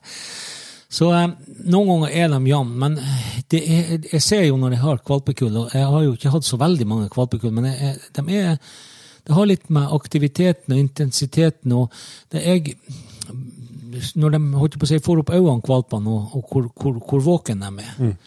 Og du har noen valper som jeg ser når de begynner å bli litt gamlere. Du kan ikke gå forbi, de får med seg alt. Når du går forbi valpekassen, så får de med seg De løfter hodet og ser hva det er, mens andre ligger bare og ikke får så veldig de, de, liksom. Ja, de har. Og det, de er jo to egenskaper som du, kan velge, som du har å velge mellom. Men du har noen som bestandig har hodet oppe og får med seg hva som skjer rundt seg Mm. hele tiden. Det så jeg på det siste valpekullet jeg hadde på Tundra, så var alle de tre valpene var, var, var, var sånn at de, de hadde. Men så hadde jeg en som var litt så var litt eh, mer kvekk enn de andre. Ja. Det var faktisk den jeg ikke tok. Den, eh, den sendte jeg ifra meg. Ja. Så det er greit. Så, um, så den tispa sendte jeg ifra meg ut til de to tispene. Jeg skulle ikke ha han hund, så. Men jeg var veldig, veldig, veldig kvekk og får med seg sånne her ting.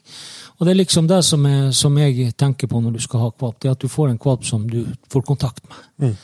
Jeg syns du skal ha kontakt med han, han skal følge med deg, han skal se deg, han skal han, skal, han, han kommer til deg, han, han, de er ikke skeptiske. Og, God en kjemi liksom helt fra starten. ja, du kjenner det. Du kjenner litt, litt, litt på det. Ja. Men det er klart at hvis jeg skal gå tilbake til Tundra, så hadde jo ikke jeg noe valg i det hele det store. Der fikk jeg en, fikk jeg en, Ja. en, en, hund, hund som jeg fikk tildelt på, eh, på flyplassen. Ja. Så det var ikke det, var ikke, det, var det, det, var ikke det helt store. Så det, det som jeg sa òg tidligere, at jeg, jeg tror at begrensningen ligger mellom ørene på, imellom ørene på han som får den hunden. Ja. Så det er greit. Du gjør lite med en F-16 hvis du ikke kan fly den. Sånn er det bare. Du kan godt sette deg inn og gjøre det til og dra i spakene, men du får den aldri i lufta. Så det, er- det er bare sånn det Et godt bilde. ja. Så det er bare, det er bare sånn, sånn man må, må gjøre det. Når, eh, når er det liksom du, mm, etter hvert som de vokser, når er det liksom starter på preginga og, og liksom begynner å trene dem imot, eh, imot jakta? Ja, altså, en kvalp, han er eh, Jeg tenker litt en kvalp må få være litt kvalp. Og, og eh, for min del, når jeg blodspor og litt sånn her preging eh, Jeg begynner med noe sånn som de kvalpene jeg har hatt nå. De hadde, jeg hadde jo ei, elg som gikk med en knekt fot. Og jeg vet ikke hvor gammel de var, syv uker. Da slapp jeg dem ut her på og filma dem. Da var de og, og krøp opp på den her elgen som lå ute her, og de visste jo ikke frykt for han i det hele det store. Og de andre var jo tre uker mindre, så jeg skar jo et øre av den elgen og tok inn og heiv i kvalpekassen til dem. Og jeg har jo et bjørnskinn som jeg ligger og drar og herjer med dem og preger dem litt på for at de skal kjenne lukta i, i, fra dem er bitte, bitte, bitte små. Så det, det, det tror jeg er viktig, at de får litt sånn luktende. Jeg ser jo mange som har elgskanker inne og lar dem få gnage på de elgskankene. det har jeg òg. Men jeg bruker å, å begrense litt, begrense litt, eh, litt elskanke så jeg hiver jo som regel et bein med, med hår på, så de kan helle på når de er bitte små kvalper. Så tar jeg litt, litt fra og litt til. Og da får man jo lært å ta ifra dem òg, og at de liksom ikke skal kjekke seg. Og, og, og, få. Så syns jeg det er viktig når man, eh, når man eh, begynner å oppdra valper, at man venner dem av med den biting og litt sånne her ting. At de, liksom, du kan godt leke med dem, og så må liksom du ta kommandoen og bestemme når det er slutt. At nå er, vi, nå er, vi, nå er det slutt, nå, er, nå, er, nå herjer vi ikke mer, og, og sånne ting. Og der tror jeg at det du får trygge, trygge kvalper med at du, med at, du, at du er konsekvent, og at du er, at du at du er, at du er, er bestemt, at det er du som bestemmer. Og, og at du gjør det på en positiv måte, at det liksom, du stopper dem på. Ja. De, jeg, jeg, for å si det sånn, man lærer jo utrolig mye av å se på de tispen, hvordan de holder på med de kvalpene. Ja. Og det er helt utrolig hvordan de holdt på. Men de tok til dem ikke. De erter dem til de får dem så biske at de ligger med de der små de der pygmetennene vet du, i, i, i, i, i, i, i lufta, vet du. Og da tok de dem. Da tar de tak over nakken på dem, og så trykker de ned til dem vet du. Og, og så sleker de dem, og så er de gode med dem. ikke sant? Det, det er en utrolig læring på dem gjør. og de, du ser dem, de, de mishandler dem ikke på noen slags måte, men de, de, de går etter dem og erter på dem. Så det, så det, det er liksom det. Og, og så er det når du begynner å, å, å, skal trene med en hund, at man, når du skal trene spor og sånne ting, så er det jeg synes i hvert fall det er viktig at du får det enkelt å begynne med. Døpp om så en, en elgskank i blod og drag han eh, rundt Legg leggene så de ikke ser han, at de får gå etter. Og gi det tid. La dem holde på. Om de står bare og lukter på en plass. Og når de lærer seg at de skal trekke framover og finne godisen i, i sporet. Og gjerne du kan også lage et godisspor, at du legger tørska lever eller et eller annet, så når de røkker fram, så treffer de noe godt. Så går det ikke mange rundene for at du kan begynne å legge et spor på en 50-60 meter bent fram til en bitte liten kvalp, så har de forstått hva de skal gjøre. Det, er helt, det er helt utrolig hvor fort de tar ting. Og der tror jeg mange, mange vi mennesker har det eh, begrensning at vi tror altså Kvalpene er så små og yndige at vi tror ikke at de verken forstår eller, eller vet hva de skal holde på med. Men eh, de gjør nok det. Ja, så er jo det er jo veldig kontrollerte former. Ja. Det er jo sånn liksom så at det, det er jo at det er lyst, det er enkelt å få lystbetont for dem. ja, det må være lystbetont. Hvis du skal, ha, hvis du skal få det til, så må du være lystbetont. En, en, en hund som går rundt og, og tjener deg i, i frykt for at du skal, at du skal ha en avstraffelse, det får du ikke til å jobbe i lag med Mm. Det, er, det blir bare negativt alt sammen. Det, blir, eh, det er klart, det, blir, det der blir akkurat, hvis du sammenligner det med løshund, eksempel. Alle de her karene som, som hiver seg over løshundene sine, og setter dem fast hver gang de kommer. Kommer innom, innom eh, og aldri, aldri opplever å få komme inn og få ros og bli sendt ut igjen. Nei. De hundene tror jeg ikke De, de, de har du ikke så de har du ikke så lydig så veldig lenge. Nei. Det er, og det samme er med, samme er med, med, med bannhund og, og hunder generelt, tror jeg. at hvis, du, hvis de har en Jeg bruker å si det, en hund han gjør deg ikke en tjeneste hvis han ikke har en god av deg sjøl. Nei, nei, nei. Ikke i det hele og det store. Han, skal ha en god av det, for han gjør det. Han, han, han må ikke bare tro at han altså, kommer han og sleiker deg i øynene, så er det for at du skal klø han. Det er faen ikke for at han skal være snill med deg. ja, det kan jo være en kombinasjon, Ja, ja, ja. men, men eh, det er satt veldig på spissen. Ja, men ja. eh, men han, eh, han gjør det ikke så mange ganger hvis han ikke har glede av det sjøl. Så det er ganske greit. Han kommer ikke glede på handa for at han skal hilse på deg, det er for at du skal klø han. Ja. Så, så sånn er nok hundene laga. Men jeg tenker på en uh, ting her også Når uh, du driver med med Vet du for, um, for elgjakt her at overværet er viktig. Uh, hvordan liksom eh, pass, altså, hvordan får du dere til å funke med både spor altså at de, at de skal lære seg å begynne å bruke overvær, og vi starter sportrening tidlig og sånt? Ja, den største synda jeg holdt på å si, den største synda de fleste gjør, både med løshund og bannhund, sånn som jeg ser det i hvert fall, og, og mine erfaringer med det, det er at de ikke har lært de hundene sine sporet.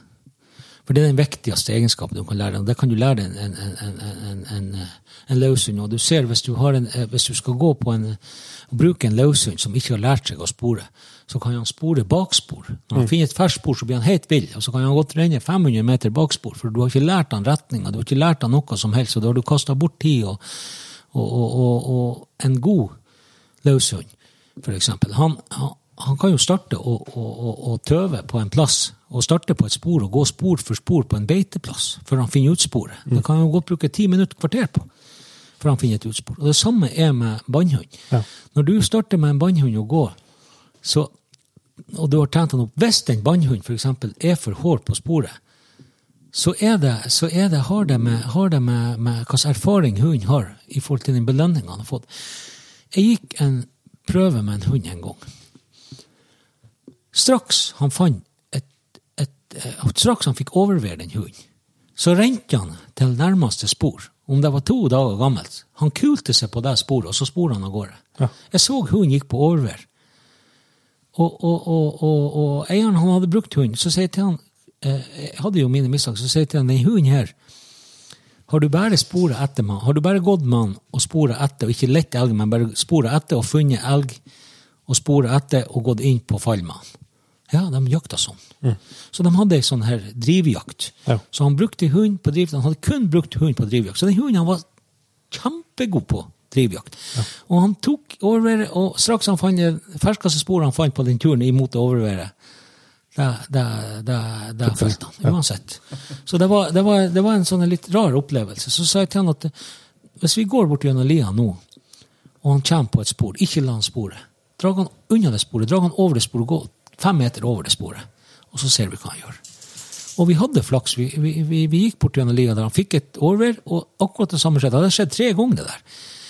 Og tok, eh, tok opp, og så gikk vi noen meter, og så dro han han over. Og da tok han overværet, og så gikk han på litt. Og så traff han ikke flere spor oppi der. Så vi gikk jo oppi der, og det sto ei ku oppi der. Så det var jo, han fikk jo kjempeklaff, og det var jo artig. Det var jo utrolig artig. Jeg snakka med mannen etterpå, han sa jo det at det, det, var jo, det, var jo mye, det her var jo ei mye artigere jakt. Ja. For det er klart at den jakta han hadde gått på, han hadde jo aldri fått sjansen til å skotte noe dyr, for han tura jo etter den elgen. Ja. Ikke sant? Så han hadde tatt opp elgen, eller de så elgen, så gikk han, fikk dem, setter dem ut postene, og han snek seg jo aldri inn på den elgen. Han gikk jo bare opp og fikk den elgen i rett retning, og så spor han etter, og så fant hunden Ja. en død elg på enden av det sporet. Og det er klart at hunden han rente jo til der han hadde belønninga. Ja.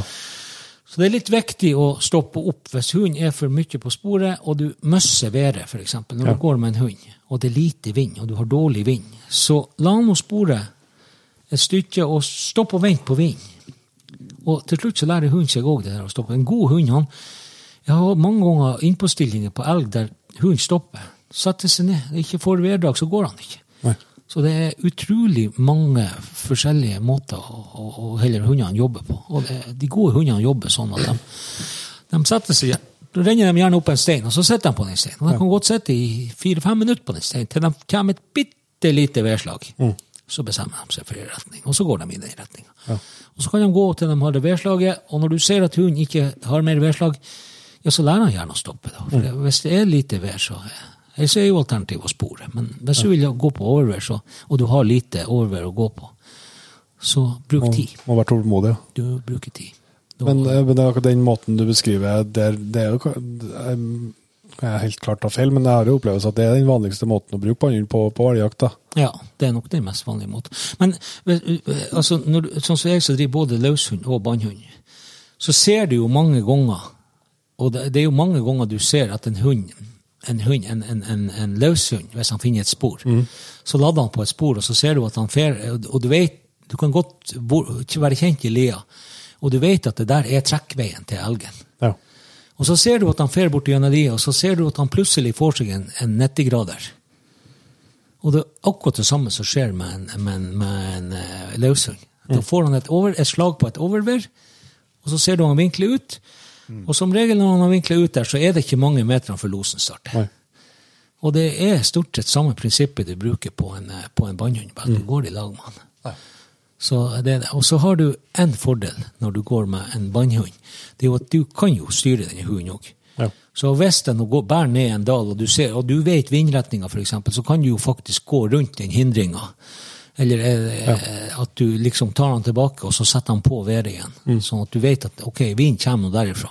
Da krysser vi, nå, nå tar vi han over denne hindringen her, eller går, vi må gå en runde rundt buskas eller et kratt eller hva det måtte være som måtte støye, og så tar du han igjen på været. Og så leder du han inn på været igjen, og så finner du været, og så har du så har du den dubbeditten som finner den elgen framfor deg.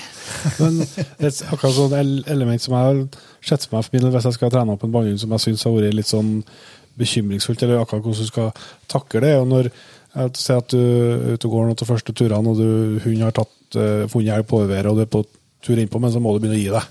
Eller du er ferdig, altså, hvordan, hvordan tar du av for at det, er ikke, det kan være feil dyr, eller, men det, er noe som jeg ser for meg, har vært nervøs for hvis jeg hadde, så får jeg være sikker på at ikke hunden mistolker det signalet, sant, på at nei, dette ble ikke rett. At han slutter å jakte. Ja.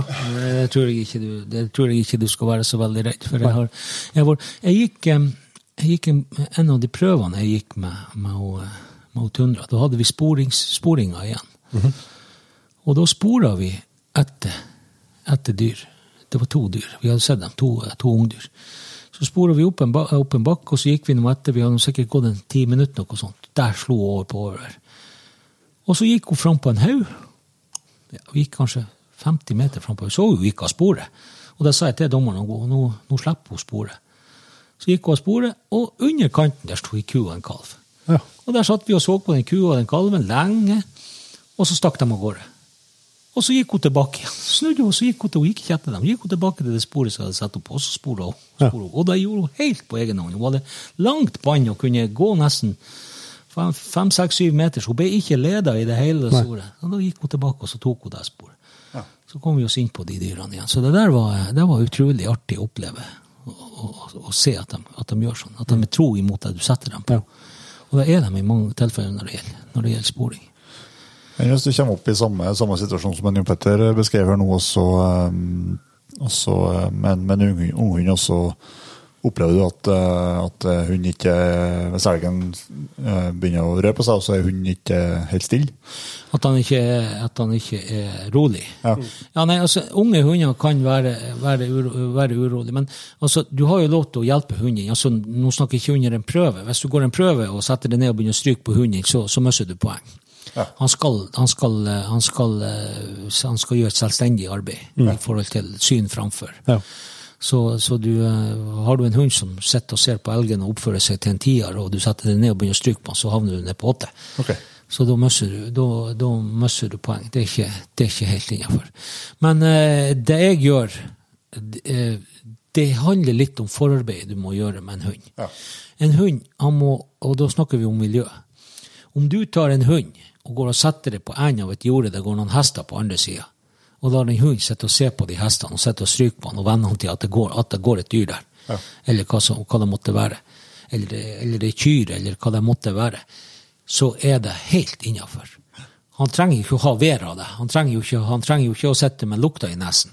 Du kan jo gå at du har eh, været ifra deg og imot de dyrene, sånn at ikke hunden lukter det. Men i hvert fall så har du lært, lærer du hunden at når det er noe som fer og går en eller annen plass, så skal vi ikke gjøy på det, og, og, og at du beholder deg sjøl rolig. Det verste du kan gjøre, tror jeg, det er at du begynner å jage deg opp og bli At du òg begynner å jage deg opp, at hunden tar signalene fra deg. For de, de leser deg så utrolig godt. vet du, at det det er, De snur seg og kikker tilbake og ser hva du, hva du gjør. og alt jobb. Så der tror jeg vel Og jeg tror eh, i hvert fall at det du kan gjøre hvis en hund ikke oppfører seg som du vil når du begynner å stille deg, så er det tida som må til. De kan begynne å og når du går inn, så begynner de kanskje, hvis du har en ung hund, å begynne å bli ivrig og, og pendle fra side til side. Da, da personlig så dreier jeg inn båndet.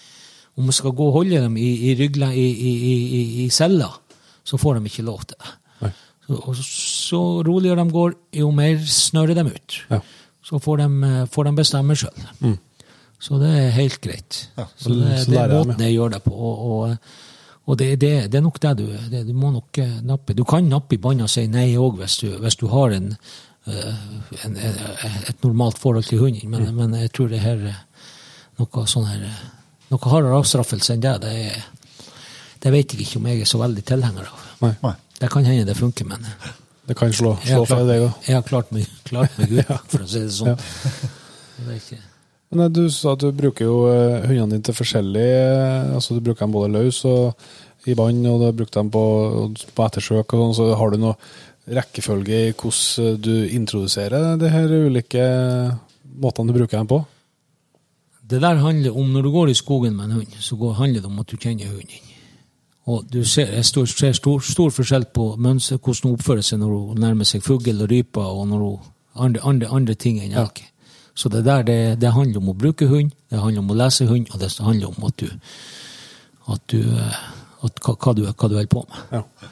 Så det, det, det, det handler, da, da, da, da står det, det ligger fortsatt imellom ørene dine. Ja, ja men jeg tenker sånn Altså det der med Blod- Blodspor og ferskmor, da. Ja, blodspor og ferskmor. eksempel. Ja, så er det i hvert fall noe som jeg, jeg vet jeg snakka mye om eh, i løshundmiljøet, i hvert fall. Altså at man vil gjerne ta, gjøre ferdig det før man begynner å slippe dem og ha dem for mye løs. Fordi at man Ja. syns det er vanskeligere å gå tilbake igjen. Ja. Det var mer sånn så rekkefølgen sånn, jeg tenker. Jeg vet ikke. Jeg, det, det, jeg vet ikke om jeg tør å uttale meg om det der. Jeg så, ja, men jeg, jeg, i mange tilfeller, i hvert fall, så, så, så er det Nå er jo jeg blod, blod, blod og ferskborddommer òg. Jeg tror ikke de fleste de sliter og de trener, og de trener den hunden så forferdelig mye for å klare det blod- og det ferskbordet. Men jeg tror ikke det der du får de gode hundene. Jeg tror de gode hundene får du i det arbeidet du gjør etterpå.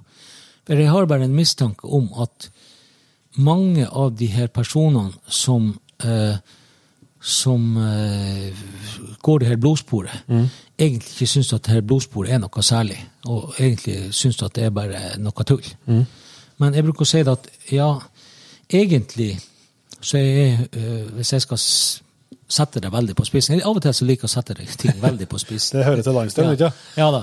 Så hvis jeg skal sette, sette ting veldig på spissen, så kan jeg stille spørsmålstegn hva er et blodspor? Ja, det, er jo ikke et spor. Jo, det er jo et spor. Ja, men det- et spor. ja, men det er ikke- det er ikke Hvem er spor etter? Det er jo spor etter deg. Ja, til folket. Ja. Ja. Og så er det blod. Mm. Ja. Og blod og spor, hva det er? Det er blodspor. Ja. Og det er blodspor etter et menneske. Ja. Og da skal du ha menneskets beste venn til å spore opp et, ska, et skada menneske. Den var stygg. Nei da, altså eh, det, det å sette det veldig på spissen Det er egentlig en sånn test er, sånn som jeg ser på en sånn test, det er faktisk alt det at du har lært denne hunden å spore, og at du har lært deg å lese den hunden. Ja. Så det, det handler om sporingsteknikk, og at du skal lære deg å bruke den hunden til å spore. For en hund etter et skada elg Jeg tror ikke du trenger egentlig å, å Han vil gå etter en skada elg med blod i, i, i føttene og alt i hop. Det, vil han- prioritere framfor alt her i verden. Ja. For det er, det er jo, et, det, er jo den, det naturlige instinktet en hund har ifra han var holdt jeg på å si, han ble hund. Ja. Så det er klart at, at det, det ser du jo. Jeg har jo helt på å dresserte gjeterhunder, uh, gjeterhunder, kelpie, gjeterhunder òg. Og de er jo òg akkurat likens. Altså, er det noe som skjeller seg ut, så tar de det som skjeller seg ut. Er det en sau som stikker ut av en flokk, så, så, så går de automatisk etter den. For det er, de, de, det er, det er jo instinktet til hundene. De skal ta det som er Ja, ja. som det, de skal lete ut det som er skada, heller ikke skada, men det de skal ha, er det, Ja, ja. det, det, det, det, det svake elementet, eller hva jeg skal si. Ja. Det er jo det, er jo det de. Og det vil en, det vil en eh, hund gjøre òg. Men eh, jeg, jeg mener jo at eh, legg, altså den, for å lære en hund å spore, den beste måten du kan lære å spore, det er at du legger et kjent spor. Så du ser når den hunden din går på sida av sporet. For det er jo mange tilfeller vet du, at en hund han trenger jo ikke å spore slavisk opp i et spor du har lagt. Han kan jo, Har han fint og godt et godt vindtrekk, så kan han gå fem-ti meter på sida av sporet. Ja. Og går han ti meter på sida av sporet, og du ikke ser noe spor, så vet jo ikke du hva hunden holder på med, hvis ikke du har lært hva den hunden, hvordan den hunden din gjør det. Hvis du har en, en, en, en dachs som, som, som, eh, som er naken på ha, ha, haka for at han har fulgt sporet som er jernbaneskinner, ja, så er det veldig greit. Men de her spisshundene vi har, de er, de er bare sånn at de, eh, de, de liker å ha litt kontroll på ting rundt seg. Ja. De, de går som regel ikke og, sla, og, og sporer slavisk. De går med høyt hevet hode og, og har kontroll. Og de vil gjerne ha ting rundt. Det er jakthunder vi har. Så de, de, vil, de vil vite hva som er framfor seg. Det var godt å høre en blåspordommer som sier det der.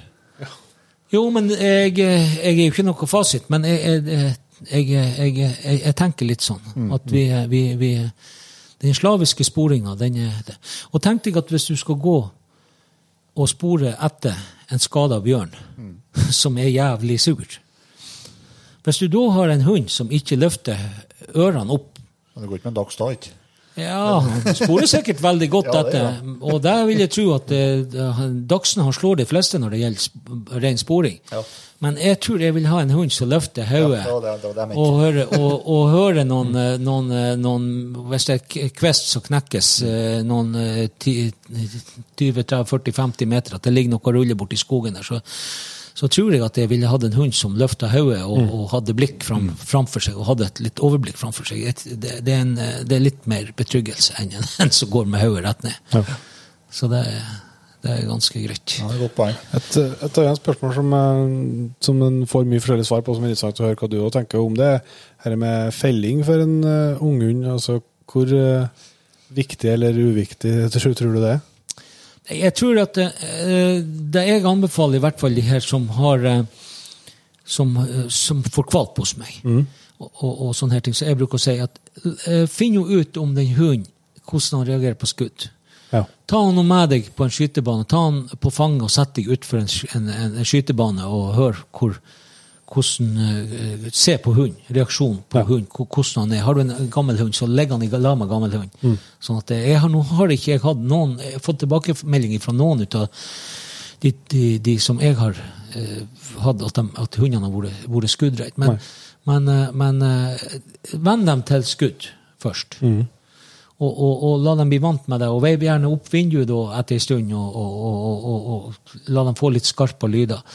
Sånn de ikke er redde, i hvert fall i utgangspunktet. Og så bruker jeg å si spor opp. Hvis du har et fall en plass og vet hvor elgen kommer ifra, ja, så gå til Sett hunden på sporet. Eh, Er den veldig ung, så korter du noe litt inn. Men er det nå en hund som er fem-seks måneder, ja, så setter han på sporet på en 400-500 meter, og la han sporet inn på fallet. Slipp hunden da løs, sånn at han sjøl kan få, få tilnærme seg fallet. Sånn at han ikke blir pressa inn på fallet. At han, vil han ikke gå på fallet, vil han ikke gå bort og buste, vil han ikke det, ja, så la han være. La han holde på. Han har i hvert fall Skjær en liten bitte fett og hiv til han, sånn at han har en positiv opplevelse med det her. Og gå unna eh, det dyret og la han sjøl tilnærme seg det og se hva han gjør. Det tror jeg er den beste medisinen. Om, om han ikke bryr seg første gangen, så, så, så, så, så, så kjenner jeg flere ganger. Og det jeg har brukt å gjort da, når du, Hvis du får en hund som er litt sikker på seg sjøl og går fram, så kan du ha skytteren til å stå og skyte i myra. Når, med altså når du kommer fram, når du med sammen ser dyret, står og peker på dyret, står her, så har du en skytter som står lenger bort og skyter skudd i myra, og så slipper du han fram. Sånn at du får han gira på det. der. Og jeg har Min erfaring med akkurat de måten der å gjøre det på, det er at når du har vært på et fall med en unghund, så har han, det er kommet noen brytere på plass. Altså. Ja. Det er kommet noen eh, det er, det, De blir mer intense etterpå, Mm. og de kjører mer på da når de, når de, når de får den der alle de der, alle, bildet, Ja, liksom. de har fått hele bildet på hva det egentlig her dreier seg om, Ja. og begynner å få ting på plass. Så, så da trykker de da trykker de bra mye mer på etterpå. Ja. Så det, det er min erfaring med, med akkurat det der. Mm. Vi snakka vi ikke i stad, Helge, om eh, eh, ja, at, at mye bannhunder blir brukt i, i drev. Er det sånn dere jakter dere med bannhund, eller er du mer på at, du, at det, at det er hund, hundføreren som, som jakter, skal jeg si? For å si det på den måten, vi har jo poster rundt når vi skal gå gjennom et område. Ja. Så setter vi poster. Og går nå den innpåstillinga til helvete, ja, så er det drev. Ja, ja sånn. Ja, altså det blir jo sånn. Ja. Det blir det. Vi sniker oss jo så langt som vi klarer, og er det noe dårlig terreng eller at noe skuestykke ut, og det skjer jo meget ofte, Ja, ja. da er det, da, da går det over i drev. Ja. Men i utgangspunktet så starter vi ikke med slagstøvler og slår i busken når vi går, Nei. for å få av gårde noe. Nei. Så det er jo, artighet er jo å prøve å komme seg innpå. Ja, og Det går du går imot været, skal jeg si. ikke- Ja da, vi går jo på været da, og så har vi, prøver vi å sette poster ut mest mulig etter sånne, så, så, sånn at vi får, får det. Og bakposter er faktisk òg mange ganger veldig lurt, for han Ja. tar seg som regel ei sløyfe ned eller opp lia, og så, og så renner han tilbake for å, for, å, for å få lukta av deg, for å få kontroll på deg. Ja. Så, så, så, så litt poster i bakkant, der du starter, Mm. det er, har vist seg å være utrolig effektivt. Ja. Du krysser deg liksom opp mot vind når du, når du går Jeg bruker som regel å gå sikksakk imot vind. Så hvis jeg får ei, altså jeg går ikke bare på ei, ei vindsøyle, kan du si sånn. Du får bredde på vind, vet du. Så hvis du har en ei vindsøyle imot deg, eh, så, så bruker jeg som regel å gå, gå på tvers av den. Og, så, og så går det litt på skrå framover, og så krysser meg tilbake. Ja. Jeg bruker å ha en sånn tommelfingerregel at, at hvis det er sånn svak vind, eller alt etter hvordan vinden er og terrenget er, så bruker jeg å si ja, eh, du kan garantere at hunden har 500 meter fram igjennom, har hunden eh, har hun kontroll. Ja. Altså det som en sånn her sek sikkerhetssone. Som regel tar de det jo på syv, både 700 og 800 meter. Det er ikke noe problem. Du får som regel en indikasjon på at de er oppe med nesen, men det behøver ikke være så veldig intenst. Nei. Jeg skjøt, en elg jeg skjøt nå i, i, i elgjakta i år, den tok taiga på 700 meter. Så jeg, jeg, bruk, jeg, jeg brukte å lage meg sånn, litt sånn statistikk på det, for det går bestandig med GPS på meg. Så, så jeg bruker å merke av, når hun tar over, så bruker jeg av og til å bare trykke. Så jeg har jo noe sånn der eh, punkt 36, 37, 38, ikke sant, i forhold til når jeg får et overvær. Så jeg syns det er artig å se. For da kan jeg gå og se at ok, der hadde vi slaget oss. Og når jeg står på fallet, eller jeg står på der han var, elgen, og han for ut, så kan jeg så, så, så kan jeg gå inn på den der punkt 37 og se ok, her var et overværsarbeid på og 500 meter, 400 meter, eller hva det var for noe. Så det er litt artig å se hva i forskjellige sånn Du er tilbake på duppedittene. Sånn, er litt klart. og litt, eh, må ha litt bruk, man må bruke de duppedittene når man dem. vet du. Man må eh, rettferdiggjøre handel. Det er viktig. Er det noe annet? Altså, du sa litt om hvordan du bruker, bruker vind for å, og, og sånn, for å komme i gang med jakt og sånn, men eh, ellers for dem som vil prøve seg på bannejakt, hva er det du tenker du bør kunne legge i bakhodet når du går ut i skogen? Nei, altså, eh, hvis du skal ut og gå på, på, på banen, så er det jo litt, litt sånn at du har klær som stille klær. Ja. Ikke klær som bråker, og, og, og, eh, og du er ikke støyende, sånne her ting. Og så er det jo greit å ha ei celle på en hund som ikke går i halsen på hunden, sånn at han begynner å hese, og at han begynner å eh, å- å- å- trange, trange luftveier. Det, det, det, det er dårlig. Det er dårlig butikk. Så, eh, og da er det jo, så er det jo da å, å bruke hunden og, og, og lese litt terrenget framfor deg. Det er utrolig mye gjort når du leser terrenget. Hvis du ser at du har mye kratt og fallved eller sånne her ting, så gå gjerne rundt det, eller, eller forbi det på en måte sånn at du slipper å trakke opp i det. Ja. Som jeg forstår, høy blom og sånne her ting, så det, det svekker jo altså Hunden er jo nede på marka, og du jo, går over blomen, så, så er det, det Det stopper mye oppværet og, og, og sånne her ting. Så det, det handler litt om å, om å gjøre noen valg når du er i terrenget og går, og for å finne ut hvor du, hvor du, skal, eh, hvor du, hvor du skal ta veien. Så eh, Så forstår jeg jo du snakka om der prøvene og han som skulle rekke flyet, at det er, et, eh, det er et poeng å ikke stresse seg fram i, i skogen. Nei, det er det verste. Altså, elgen har det jo faen ikke travelt i skogen. Han bor jo i skogen. ja. han trenger jo ikke Han har jo ikke travelt med å komme seg unna deg heller. Han går jo der han har gått. Han kan jo gå der for helvete i vekka. Det er jo bare du som Ja, men ikke sant? Du, du, du, du, det er jo du som kommer og skremmer han bort derifra. Ikke sant? Han har jo gått der i vekka. Han, han har jo ikke stressa. Du trenger jo ikke å stresse fram til en helg. Han står der i vekka til hvis ikke du kommer. Så det er jo greit. Og da skjønner jeg ikke hvorfor du på de fem minuttene skal være renne fram og stikke han bort. Så det er jo Det er jo, det er jo eh, Det går nesten ikke an å gå sakte nok. der går det nesten ikke an å gå sakte nok. Og det er der de fleste går til gaiken. Det er jo av stress. Og, og det, men det verste av alt, det er jo at vi som er dommere og vet alt det her, og skal gå på en jaktprøve, er jo faen akkurat like tullete når vi ikke får det, når vi, når vi, når vi skal gå fremst. Det er jo det er jo der, vet du. Jeg har sjøl fått kjeft for at det går for fort. Ja. Så det er greit. Det er, jeg gikk en jaktprøve med en. Da hadde egentlig gitt opp her prøven. Jeg hadde egentlig gitt opp den prøven, for at det gikk helt på slutten av dagen. Og eh, ja, sporet, så nagla hun tak i et spor. Og så gikk vi etter. Jeg fulgte ikke med fra mye. Jeg hadde slutta, jeg å jakte, men jeg hadde jo selvfølgelig ikke hun Tundra. Så plutselig så satt hun framfor meg, den hundejækelen. Jeg tenkte faen, du setter deg ned for nå. Og jeg sto og så på den hunden, som jeg var borte med, borte med foten Jo. Så tenkte jeg skulle så på henne videre. Nei, hun røster seg faen ikke. Bare kakka litt i, i, i, i rumpa på henne, i hårene på rumpa. Jeg så hun var så stiv, den evig opplikke. Der sto jo elgen på 70 meter, vet du. Og så snudde jeg meg bakfra, for dommeren skal jo se. Ja. Så snudde jeg meg bakfra. Den dommeren, han flirte. Han sto der og nå flirte med seg sjøl. Det så han heksta hele mannen, vet du. jo snakk om å skjemme seg ut. av jeg, jeg følte meg som en toske sto der, vet du. Nei, hun og dommeren så den her, og jeg var ikke, jeg var ikke i modus da. Da var det. Da var det. Da var, da var da, den prøven gikk jeg til Det var da jeg hadde eh, Det var, det var snakk om det der todagersgreien, så fant jeg ut at jeg skulle gå en tredagers. Så jeg hadde gått todagersen to dager på to dager, og så tok jeg en endagsprøve etter den todagers. Så det var den tredje, tredje dagen jeg var på jaktprøve da. Ja. Så da hadde jeg Det har jeg tenkt på hva som er argumentet for todagers på banneprøve. Jeg kan jo forstå argumentet på løshund, for at det er noe med å få tak i hund, og at den, det er større fysisk påkjenning til hund å være løshund enn å være bannehund. Skulle tro når, eh, når folk går Det er faktisk en hund som er knytta fast, til er så greier vi mennesker å gå to dager, så vil jeg tro at alle fleste hundene gjør det. Ja, det, den todagersen det har vært en, det har vært en, en, en, Hva skal jeg si? En diskusjon, siden jeg i hvert fall kom inn i det elgundmiljøet. Ja. Det har vært år og atter, årevis, og, hele pakken. Alle veier. Ja. Men, eh, men, og det er jo ingen som blir enige på det. Men det er klart at en hund, en, en, en bannhund, han vil jo bli sliten, mentalt sliten. Det er klart. Så har du en hund som blir mental, fort mentalt sliten, så, eh, så, eh, så er det klart at du kan slite han ut.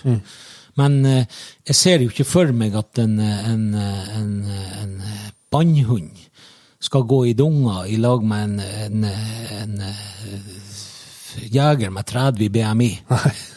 Som, som, som sleber sine føtter. Det, det vil jeg ikke tro at eh, det vil jeg ikke tro at sånn fysisk sett, da må den hunden være Da må han ha ete mye egg og bacon før jakta. Så det beste, beste å, å ha, ha beveget seg. Vi skal gå klaren på to dager. Ja.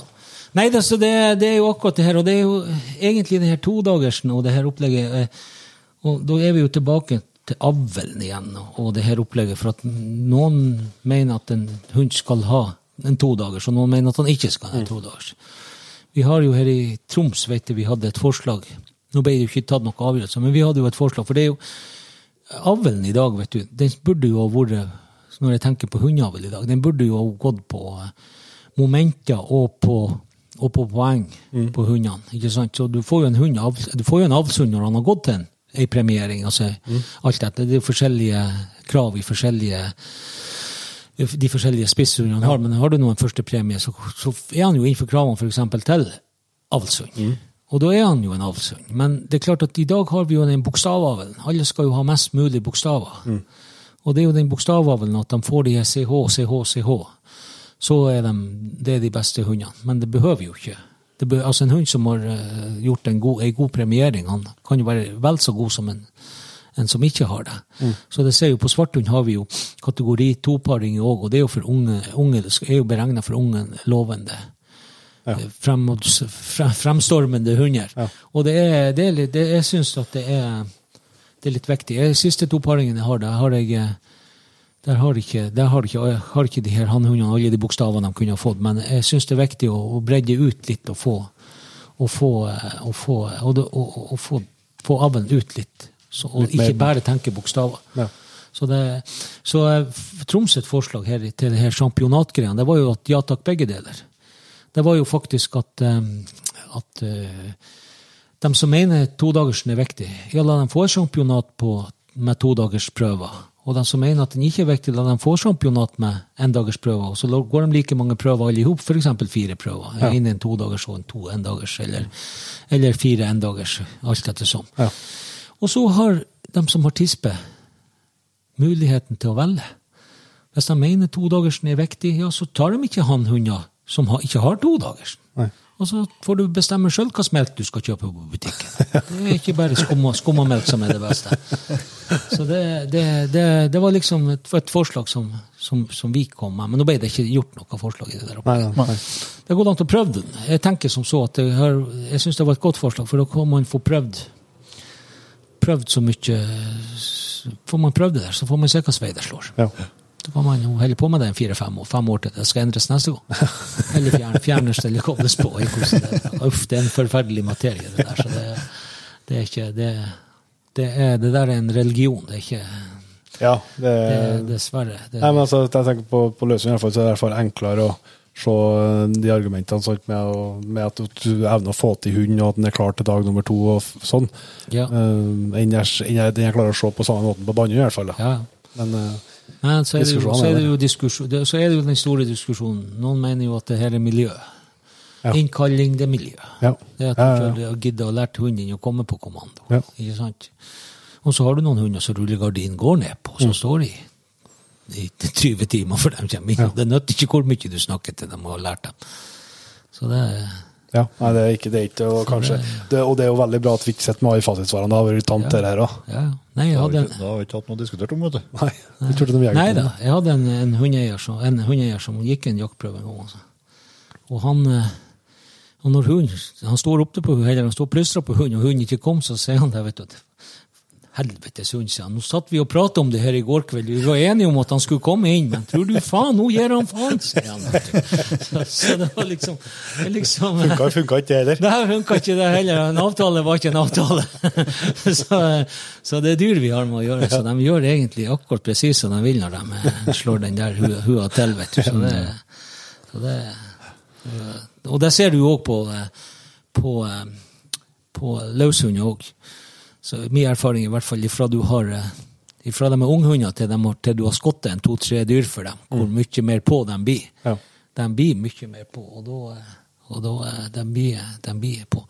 Men så er jo det et luksusproblem òg. Eller ikke et luksus, jeg bruker å si det et luksusproblem. Men den dagen du har et, et dyr som er påkjørt, og kjeven er kjørt, kjørt av Hvis du da har, jeg har en hund som henger på over tre prestegjeld, så er det kjekt. Det er veldig kjekt. Får du betalt for det? Det er kjempekjekt at du har en hund som ikke slipper, og som, eh, ikke, som holdt på å si, både krysser elver og, og, og henger på til du får tak i det skada dyret. Så, så det, det, det, er noe, det er litt på godt og vondt, det der. Ja, og på likeens så tror jeg nok at de aller fleste i valget mellom å ha en hund som ikke jager noe særlig, ja. og ha en hund som jager for lenge, Ja, så tror jeg nok at de fleste ender på kategori to. ja. ja da. Jeg tror òg det at det, det, det, det er det er ikke så veldig når man skal gå jaktprøver, så hente motet og, og på seg, holde motet oppe når du har en hund som ikke tar søk. Og det kan jo, Jeg vet jo jeg har dømt hunder to ganger, og jeg har dømt dem til nullpremie, og, og, og liksom eh, Hunden har ikke hatt dagen. Nei. Og, og, og liksom eh, Eieren fortvilt. Og, jeg skjønner ikke hunden. Hun får ikke ut i det. Han rørte seg ikke ut i det hele store. Og kommer neste prøve, går man i hunden, så søker han som en drøm. Han fyker av gårde og er innom og gjør alt etter boka. Så, så, så, så det er individ vi har med å gjøre. Så jeg tenker de, de, de må få mer enn én sjanse Ja, ja, når, du, når, du, når, du, når du har fått deg hund. Det, man, skal, man, man skal være forsiktig. Jeg vet, eh, jeg vet hunder de ikke har fått til, som har, har, de har omtrent gitt bort til andre. Og det har bare gått et år, så har de vært championater på, med høye poengsummer. Ja. Så det, det handler litt om hvem de kommer i hendene på. Mm. Det er klart. Så det er ikke tvil om det, altså. Største begrensninga er mellom ørene til Jon Inge, som jeg bruker å si. Ja. Vi, skal, vi skal begynne å runde av, tror du ikke? Jo, vi skal det. Det har eh, vært ei sann fornøyelse, Helge, å få slå av en prat med deg. ja, det var jo artig dere stakk innom. Ja. Ja. Og så har vi jo noen spørsmål på slutten her, da, som vi bruker å kjøre til, til alle gjestene. Ja, ja. Så jeg regner med du er forberedt på å svare på dem, du òg? Nei, jeg, tar stort sett det meste på sparken. Ja, litt på spissen. Ja, på på spissen. Akkurat det som du sier, vet du. Så, Eh, Sånn generelt sett, da, hvis du skal komme med ditt beste jakttips nei, hva jeg skal si?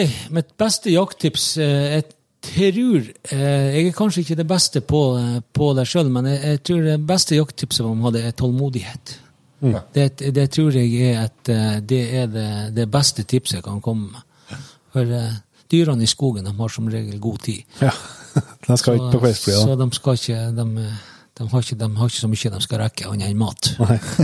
Så, eh, så jeg tror det at mitt beste opptid det er at du har det Nei, Gi det tid når du er på jakt, og Mm. få med deg ting rundt deg. Og så, du, Vi har jo flere turer vært inn på at uh, forkjærligheten for duppedingser er av uh, jaktutstyret. Hva er det, du, er det noe du er ekstra fornøyd med, som du kan tipse om videre til, til lytterne? Og oss, for så vidt. Ja, det, var, det var jo et jævlig vanskelig spørsmål.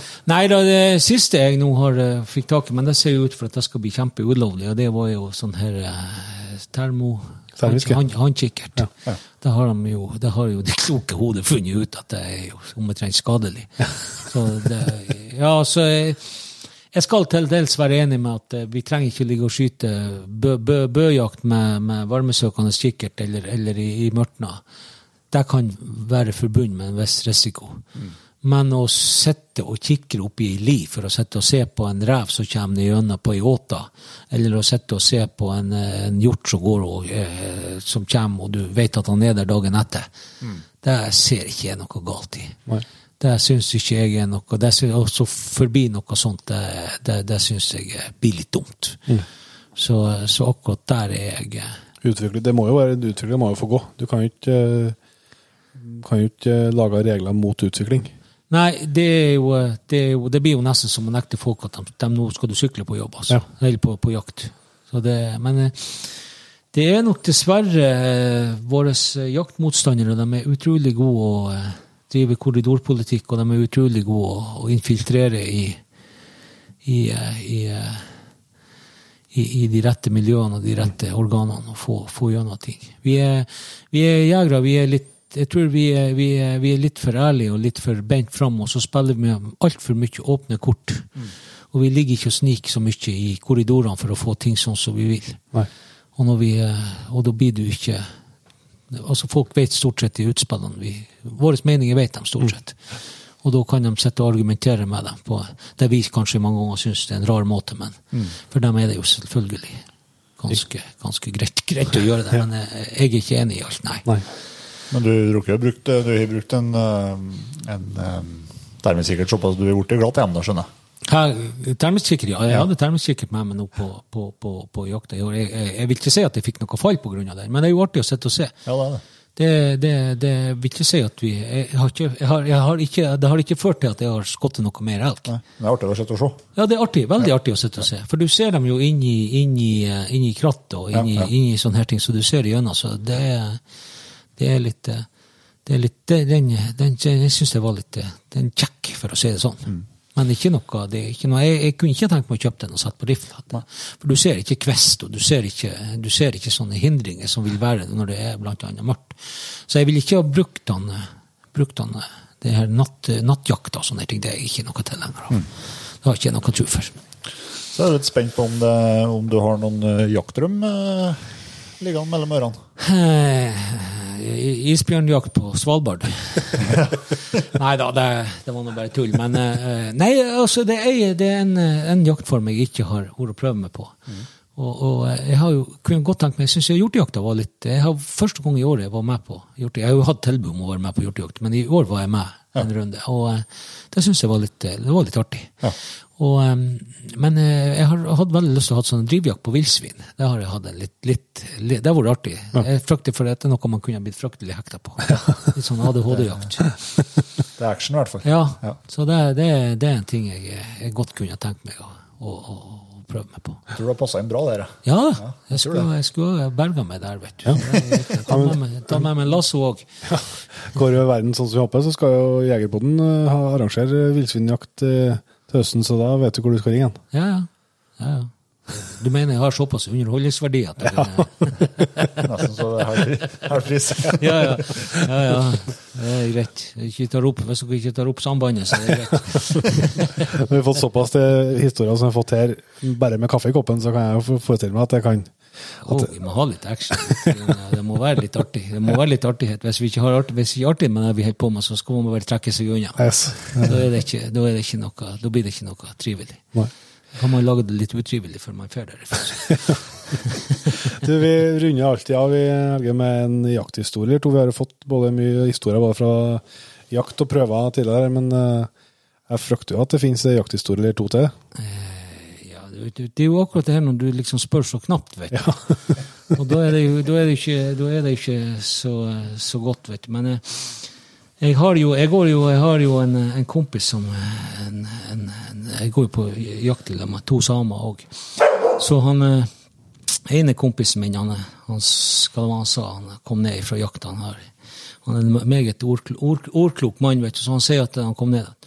Nei, sa han, det her er den største skitdagen jeg har vært på jakt. Jeg har ikke fått drept noe, sier han. Jeg spente etter lemmen, jeg traff ikke den heller, sier han. Så det var liksom Så den har vi, den har vi jo, den har vi jo flirt litt av. Lagra, det, lagra. det er greit. Og, eh, jeg fortalte vel ei vi hadde, vi hadde en gang vi, det var noen elgtørker her, vet du, så vi hadde ikke sett elg på en to-tre dager. Så vi, vi hadde jo skutt den, så vi hadde jo noen elgklauver liggende nede. Så da var vi jo spikra fast i ei fjøl.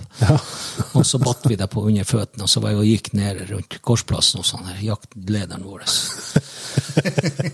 og, og så gikk vi opp på veien, og så hadde vi syv kryssinger på veien.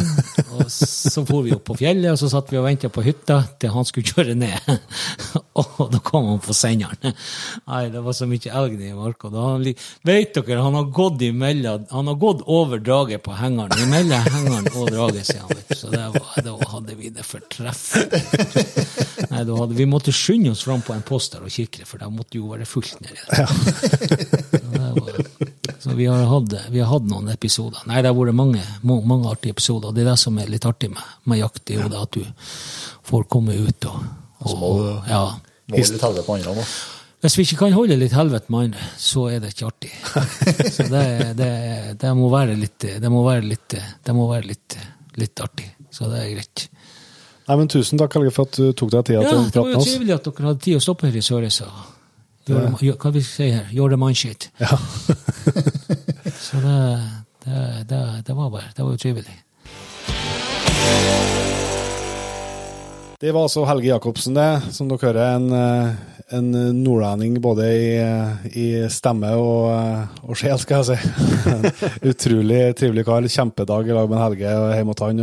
eh, Krydda med masse gode historier, og ikke minst eh, mye erfaring og gode tips og triks. eh, Og det mm, sitatet med at den største begrensninga på hund ligger mellom eh, ørene på, på han som eier den, eh, han eller hun som eier den, det, det er notert, notert meg, det. Noterte jeg det. Nei, det var mm, Det, det har jo kommet noen delte episodene fra turen vår i Nord-Norge, og eh, personlig syns jeg jo at, eh, at eh, vi har truffet bra. Eh, Jeg syns det har vært bra episoder. Vi har, funnet, eh, vi har fått tips om, om mye flinke folk. Mm. Uh, og vi skal helt sikkert flere turer nordover òg, så, um, så vi sånn, vil jo gjerne fortsatt ha, ha tips om, eh, om eh, gjester som kan være med oss i podkasten. Yes, både i nord og sør og øst og vest og hele utlandet. Ta med alt. Det er bare å sende over. Globalt. Gunstig hvis, ja, gunstig hvis vi kan snakke sånn noenlunde norsk, det er vel eneste. Men eh, vi skal begynne å, å gå inn for landing og, og runde av episoden, men eh, heldigvis så har vi igjen gleden av å ønske en eh, hel gjeng med nye jegere velkommen inn i Patrion-jaktlaget. Eh, Vi hadde jo nettopp en stor trekking der stor milepæl når vi nådde 2500. Og det veksten fortsetter, og kanskje er det noen som ser seg hag i, i neste storpremie om vi runder 3000 Patriens, når det skal trekkes ut en, en flunka ny Toyota Hilux med med hundkasse og full Jegerpon Edition, som vi et spleiselag lager lag med Norvik. En bil som du den heldige vinneren får kjøre rundt med et helt år uten å betale kronen for det. Det utmerket premie, nå, det òg, vil jeg si. Det ja, men jeg har lyst. Jeg har lyst det. Så, så det, men det får vi nå håpe og krysse fingrene for at vi når, men i hvert fall en, en gjeng som har kommet til nå og vært med og gjort det målet litt nærmere. Det er da Edvard eh, Listøl, Adrian Klerud, Magnus eh, Bakkan, Rune Sveinsvold, Dennis Jensen, Marius Kristiansen, Morten Lerstad, Jon Kristoffer Linderud, Mats Sæterli, Anders Witzøe, Pål Skageseth, Steffen Lorentzen, Jonas Gangås, Ivar Skår Pedersen, Jørund Seliseth, Ørjan Berg-Hansen, Robert Tårnes, Alex. Jan Erik Haslum. Knut Larsen. og Sigurd Kippelsund. Tusen hjertelig takk til dere, og selvsagt til hele P3-laget som allerede er med oss og støtter den jobben vi gjør. Det er vi dere evig, evig takknemlig for. Men da Inge, er vel på tide å ønske god helg og god 17. mai hvis du hører når det er ferskt. Hvis ikke, så får du håpe du hadde en fin 17. mai. Ja, og riktig god langhelg. Vi Yes. høres. Vi høres. Tusen hjertelig takk for at du valgte å bruke litt av tida di på Jegerpodden. Sjekk ut jegerpodden.no eller eh, din favoritt-podkastspiller for enda mer innhold og flere episoder. Følg også Jegerpodden på Facebook og Instagram, og ikke minst, husk å fortelle alle gode venner, familie og tilfeldige forbipasserende om Jegerpodden, sånn at vi får spredd det glade budskap videre. Vi høres.